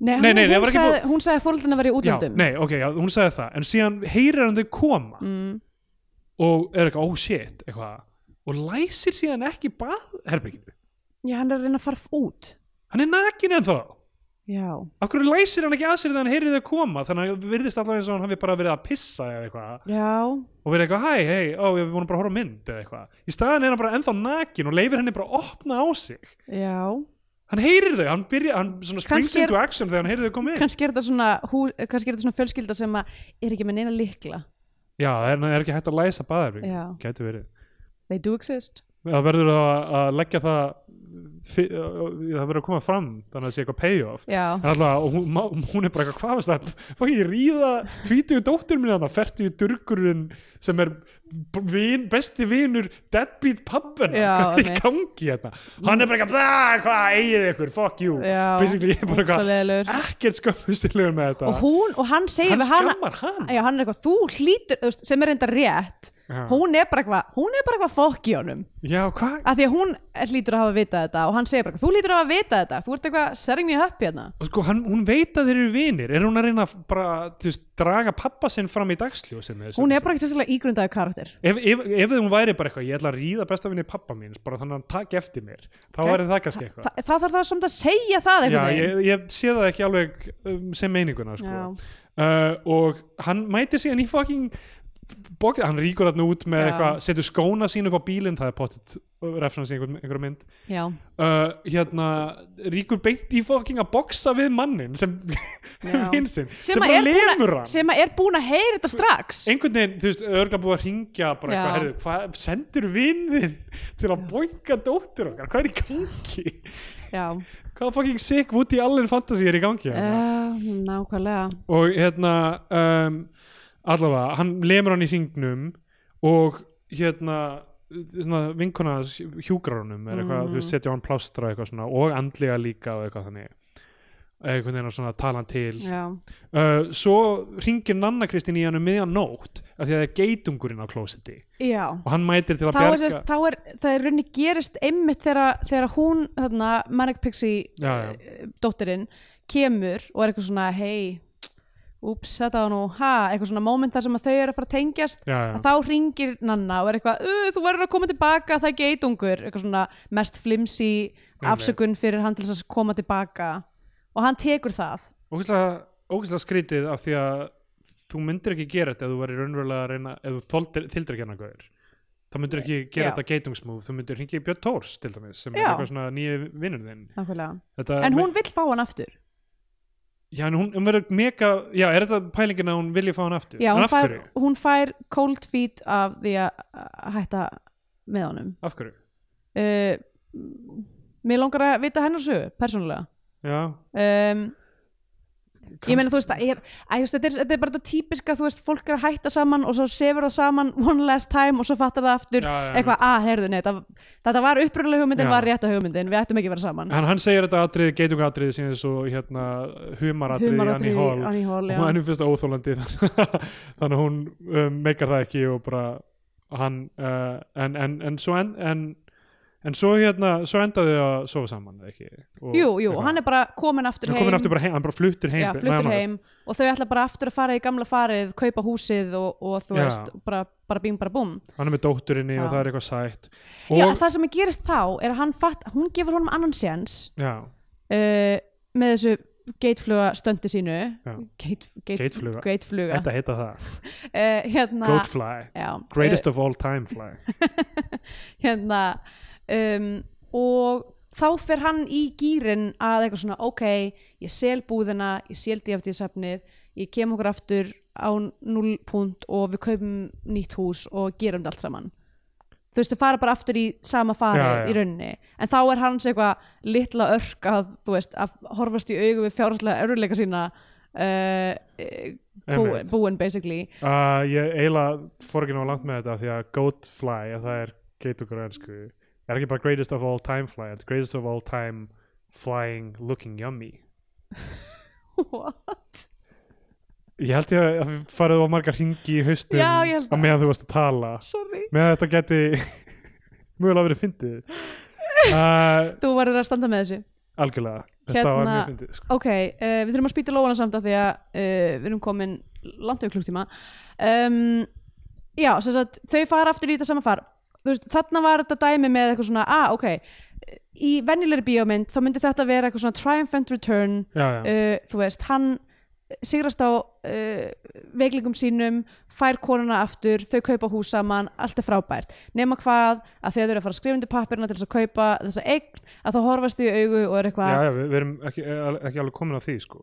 var það ekki bara eitthvað svona semi-montas þar sem þau eru byrjuð aftur saman og, nei, nei, nei Ó, sko, ok. uh, það, það er hérna, uh, sko hann, þegar hann flautur aftur inn, þá fer hann til uh, Guðmundur Inga fyrir utan Elko og bara blokkar hann af með bílnum sínum og er eitthvað, þú verður að tala við dóttur þína og eitthvað, keirir hann já, til að hitta hana í háskólanum þar sem hann hann bara mætir allt í hennu bara eitthvað og þau eitthvað svona veifa, gefa eitthvað thumbs up þú veist, Já. ekkert nei, traumatist það er, samt, nei það er ekki dóttir hans, það er kærastan hans ha, Þa, hann keirar hana til þess að tala við kærastun sína því að hann er búin að vera, hann er búin að vera hunsa sem, sagt, þessa- sem er besta vinkona dóttur hans hann fer að, hann fer að tala við hana Sér síðan, síðan, Þú fá við, veist. síðan far þau að giftast og við fáum annað svona sleikatriði já, ok ég, ég var, ok, ég held að hlita að vera dótturina því að hann eitthvað, Já, Af hverju- ég, ég held að það hafi átt að hljóma þannig þegar hann kemur Ó, ok, og segir eitthvað ok. svona að þú verður að tala við hana maður eigi að halda að það hafi verið dóttirinn en svo Spes. er það hérna, skvísan,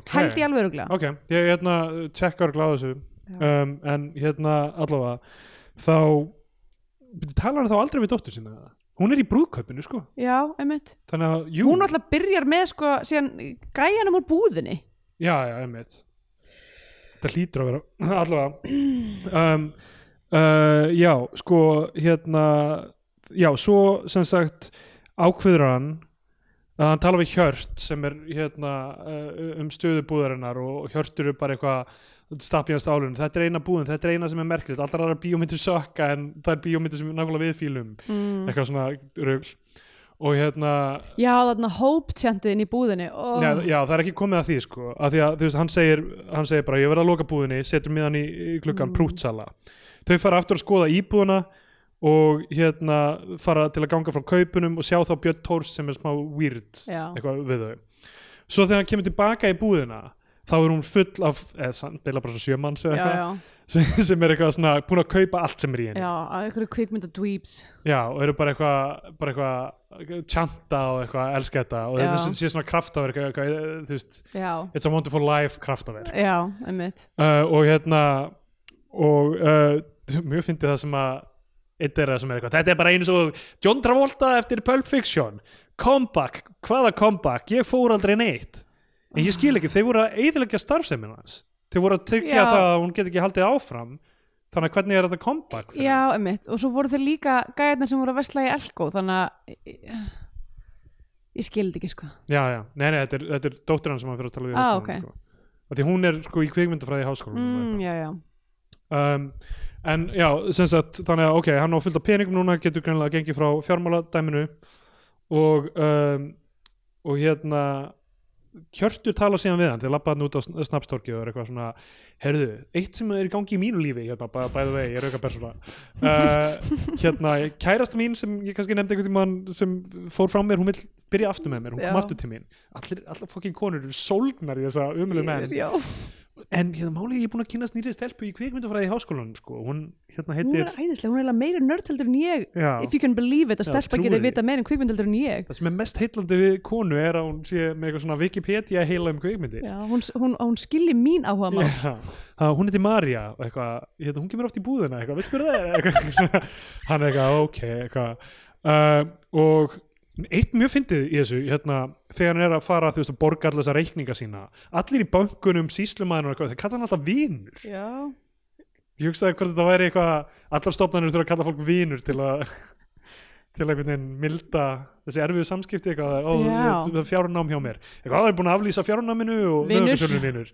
Bara gangi ég gangi þér vel vinnur Og veistlega, weird. gerist í bankanum líka, bara út um allt uh, uh, hérna, ok og svo er þetta skyndibrúköp, hann kemur eitthvað það er skyndibrúköp hjá okkur uh, við ætlum að uh, giftast Skyndibrúðgöf, alltaf að fara já, þetta er eins og prútsala Já. við ætlum að giftast bara eftir nokkra daga og þá er Guðmundur Ingi hann betri manneskja af því að, að hann er bara að kynast dóttur sinni Já, Bara og er búmm, samt komið í líka lag. á sama tíma að banga og giftast dóttur, eh, nei, Vin- sýstu, vinkonu- vinkonu dóttur já. sinni sko.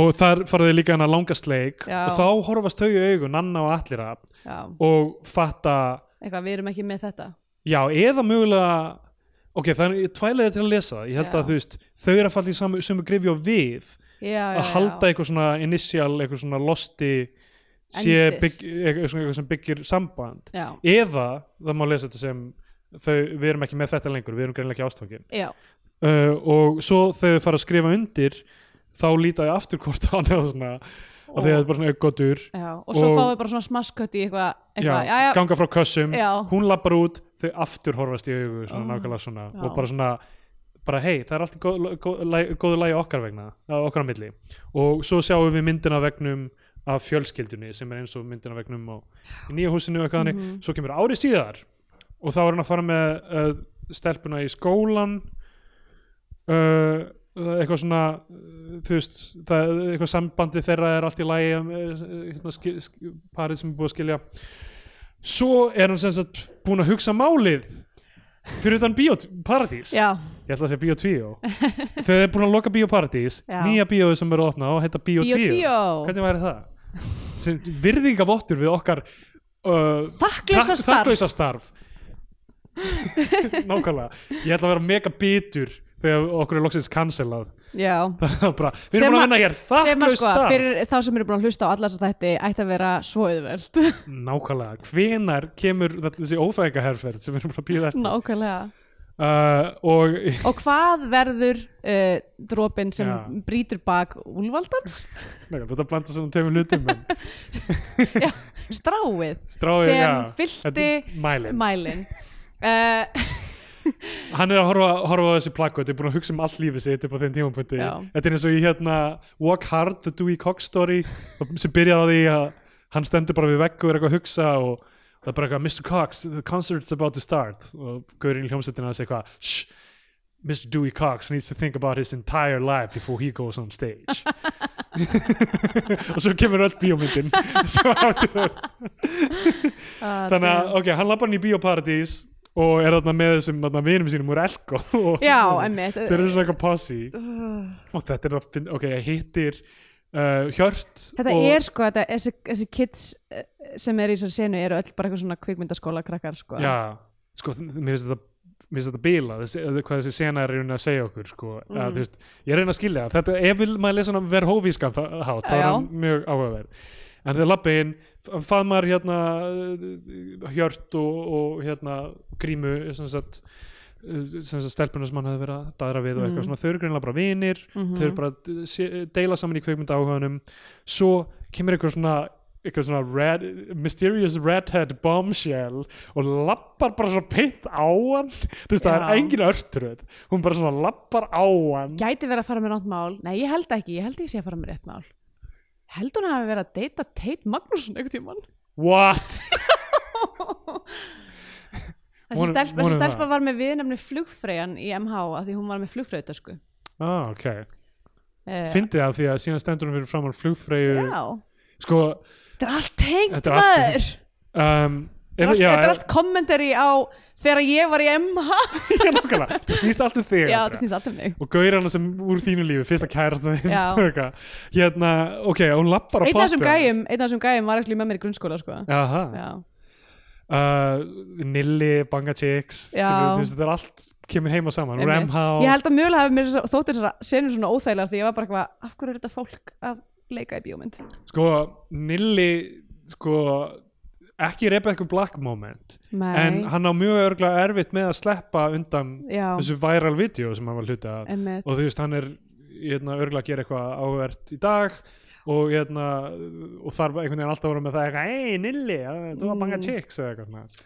örglega mjög penandi já, fegin að internetið var komið stýttra þegar ég var Já. á hans aldri í guði ég er svo fein að það er enginn að mýmifæja okkur hú, Nákvæmlega, við erum bara mýmið fyrir okkur sjálf já, eða hvað er uh, sko, ok hún lappar á hann og poppið dettur og hún, og hún bara eitthvað, ég skal kaupa eitthvað eh, taktu mitt pop og eitthvað, nei nei, allt í lagi og þá er þeir eitthvað, og hún lappar burt og er svona brosandi, ógeðslega mikið hún er bara ástfangin af allarafni mm, mjög óþægilegt líka í ljósi alls ljósi alls uh, hérna lappar burt og er bara eitthvað svona gjóa augunum til hans og hann horfir á hana og bara, bara ást við fyrstu sín og svo kemur heitt gaurinn og bara eitthvað, þetta er bara eins og í bíómyndinni In the Line of Fire þegar hérna Clint Eastwood eitthvað, þetta er í endanum á henni svo annar hefur býtu, býtu, þetta er ekki í endanum þetta er miklu fyrr í myndinni en þig minnir uh, eitthvað, þeir eitthvað rífast um það svo faraðu að setjast, og hann veifar til hennar þar sem hún er ennþá að lappa inn í salin ógeðslega creepy og weird svo setjast þau inn í salin og þá eh, sest hún þetta fyrir framann eins og nanna og hann sér síðan auglýsingur með nönnu á skjánum og sko, er þetta eitthvað svona the graduate moment þarna, svona, þú veist, er ég að fara aftur og falla í sama far ef ég já. byrja að vera svona skyndilega ástfangin af ég kemst ekki yfir því að hún var köllu flugfreyjan þessi leikona já, ja. sko tilviljunin er óbara, já allavega skiptir ekki máli, já, já. fyrirgefið þú varst að það er, fara, og það líkur þessari mynd já, sko. einmitt þannig að það- það ekkert er breytist, hann er ennþá í sama farinu já, uh, og það á að vera eitthvað að fyndið, ég veit það ekki einmitt, eh, uh, Scandinavian Penindex já, já, herði, um, sko eh, introð byrjar, eh, basically bara blátt það er engin litur í því nema blátt Nei. þannig, að, uh, en svo bara breytist einhvern veginn uh, litalertingin í bara svona frekar eitthvað svona Já. venjulegt, ég ég veit veit það ekki, ekki hún er tónalí mjög erfið þú veist, já, b- upp á lit og upp á hérna, bara stemningu sko. já, Því að stundum, er hún, stundum virkar hún smá með þessi mynd eins og svona einn af þessum svona sitcom sem voru að koma út það, uh, uh, þú veist, íslensku sitcom sem er svona greinlega svona lægra production value emmitt þú veist, minna leið yfir handritunum bara verið að þú þú veist, eitthvað svona samtöl já, þetta er alveg sniðið samtali hérna, ég er að vera skondin þú ert að vera skondin, eitthvað svona Einmitt. leit vel út af blaði en aldrei kannski við- tími fyrir Það virkar, table read eða já. eitthvað svona einmitt, þú veist, á meðan það eru senur sem eru bara ég strík, baknakið, bakkennar og þetta er eins og Godot- uh, Godard uh, ekki Godot uh, Godard mynd og eitthvað Já. svona þú veist, tónin all over the já, place sko. alls uh, 100% sko en þetta er náttúrulega það sem er klassiskast í íslenskum kvökmyndum Já. miðaldra maður í krísu algjörlega Uh, nógum uh, glata uh, gæja í þessari mynd gráa fyrringurinn, broti hjónaband um, en þú veist, hún er ekkert eitthvað og ef ætlum að lesa hana á hverjum hátt eitthvað töfrarunnsæðis momentaninn í miðinni þar sem að er eitthvað trúbador sem Já, er eitthvað já. skonar magical uh, trúbador um, allavega uh, þannig að hún er ekkert eitthvað svona hún er ekkert engin skandinavinn pinnagla sko Nei, nei. Eh, ég held ég gef henni bara hérna ég held ég gef henni eh, fjögur af tíu nöyðungur uppóðum Já, ég ætla að bara gefa því hvað, tvo af tíu nei, þrjá af tíu stimplum á svona Bioparadís klippikort mm. Þá komið það tímabútið sem gemyndin er einhverjum sess á flagskip íslenska kvikmynda, fara hún íslenska fánan ef við mælum frekar með að hlustundur hóna ykkur á bandarinska Hollywood-dellu og fara um bandarinska bjánan Já. Sagði ég þetta ekki vel Þetta eftir var- var... fjögur af vikna hlje fullkomið Já, Negldi og núna ætlum þetta. við að segja hvort áskrimur má nei, uh, Goatfly uh, oh greitist boy á- hérna, við þurfum að, við þurfum að klára þetta Já, uh, mínúta 25, let's go Þetta er fínt, við erum á fínum tíma uh, Já, ég skal bara segja, mér finnst uh, þessi mynd uh, mjög illa hefnuð mm, og ég hef svona persónulega að því að mig langar að skrifa já, mig langar að skrifa handrit og ég- það er það sem ég gerir mínu frítíma Mm. Mhm. og hef aspirationur um að gera ég, þetta er það sem ég óttast að ég muni gera sko, já smá. að uh, kannski tikka í öll boxin en bara sem eitthvað svona kvikmyndafan og kvikmyndarínir getur maður sagt Já, já. núna einmitt uh, að hérna ná ekki töfrunum, vera bara ekki með mm. repsin í mér einhvern veginn og, og geta, já, þú veist og greinlega samt vita hvað maður fílar skilur, mm Mhm. ha hafa allan grunninn einhvern veginn af, Já. hva hvað maður fílar í bíómyndum en ge- ná ekki einhvern veginn já, að ge ge vinna úr því já þannig að þú veist, ég, ég hugsaði mjög mikið um það einhvern veginn, þegar ég var að horfa á vera þetta bara. tónlaus í rauninni já, já, og hafa ekki einn rödd kannski já, einmitt uh, og þú veist það, það sem ég finnst bara náttúrulega langu mesta við þessa mynd er þú veist hvern personurnar og, og, og hversu bara einhvern veginn styrla sjónarhóttnið er í henni Já. og eitthvað þannig og hvað þetta er eitthvað döll og eitthvað þú veist boring subject matter í rauninni sem er verið að tala um eitthvað svona eitthvað gráðið þýðringur í einhverjum gaurum sem er samt bara eitthvað svona fertvír og eitthvað já, sko það er bara, þú veist, það er þetta er full unnið efni já, grái fyrringurinn Þú veist, ef að það er ekki neitt, það- og það er ekki neitt eitthvað svona áhugavert tvist Nei, það hérna. er ein- ekkert fest sjónamið uh, þú veist, True Romance er svona kvikmynda nörda, nördagaur sem mm. kynni stelpunni á nákvæmlega sama hátt í bíóinu Einmitt. uh, þú veist, þ- þ- þetta er allt búið að koma fyrir þannig að ef þetta á að vera eitthvað svona homa- homas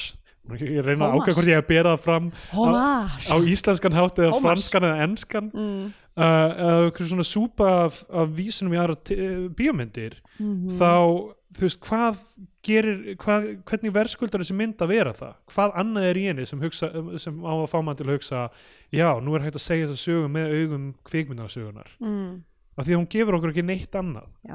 Þannig að mikil vonbreið uh, titillin er núna frátekin Reykjavík, Já. það getur ekki, ekki kalla myndinu sinna en það er Reykjavík. nóg að krumaskurðum eftir Já, elska mín, neskaupstaður nákvæmlega. siglufjörður Hvena kemur eh, myndin Eyjafjallajökull ef hún er ekki Já. komin og kemur á óvart að Ísafjörður er ekki komið Já, það hlýtur að vera einhver svona Gary Marshall romansmynd uh, Eyjafjallajökull, eitthvað fólk sem er stranda á flugvöllum hér og þar um heiminn sem er Já. Love Actually eða eitthvað. Já, einmitt Uh, já, þannig að bandarski bjánin frá mér mm uh, hmm, uh, ég veit ekki hvað Annie Hall Nei, ég veit ekki, mér finnst þess að ég að mæla með einhverju sem, þú veist, hún minni mig á og, Já. og senundar í henni, ég veit það ekki bara horfið á kvikmyndir, er það Já, ekki máli jú, horfum á alla myndina sem maður vísaði Já, uh, ég, já, af því ég nefndi hérna, uh, já, frítgen að hann Cruising Já, með Al Pacino ég mæli með henni ok Herri, já, uh, ég hef svo sem ekki einhverjum miklu við að bæta með þetta ég er sammála bara að um, ég, er, ég er svo sem búin að segja það bara ég persónulega því ég veit ekki, það kannski gerir mig hlutdrægum og ég get ekki, ég get ekki fjallað um almennilegum svo mynda því ég er búin að tjekka mig út úr þessu narratífi fyrir löngu já, já. uh, og finnst eh, allt sko bordering on bara óbærilegt þegar það er einhver miðaldra kall sem að þarf að díla við hlutina sína um, þannig að Þessi myndi við náttúrulega framleita af yngvari Þóðarsin og Júlísi Kent já, sem að okkar uppáls uh, framleiðendum framleiðendur Þannig að ég ætla að gefa henni verhófinn fánan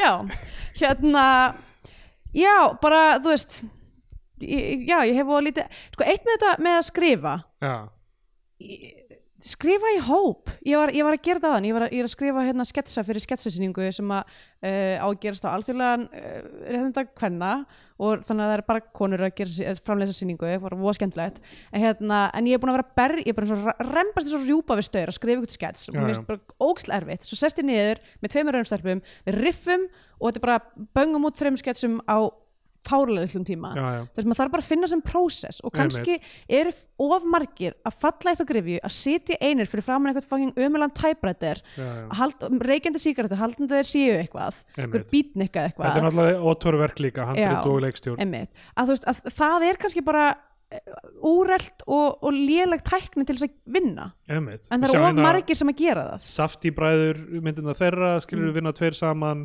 Coen bræður og eitthvað svona, Einmitt. Á- eigðu- eigðu bróður já, eigðu bróður uh, Hver sem er að sér- leiðir okkur að mynd næstu viku já. Hver er sér að baki?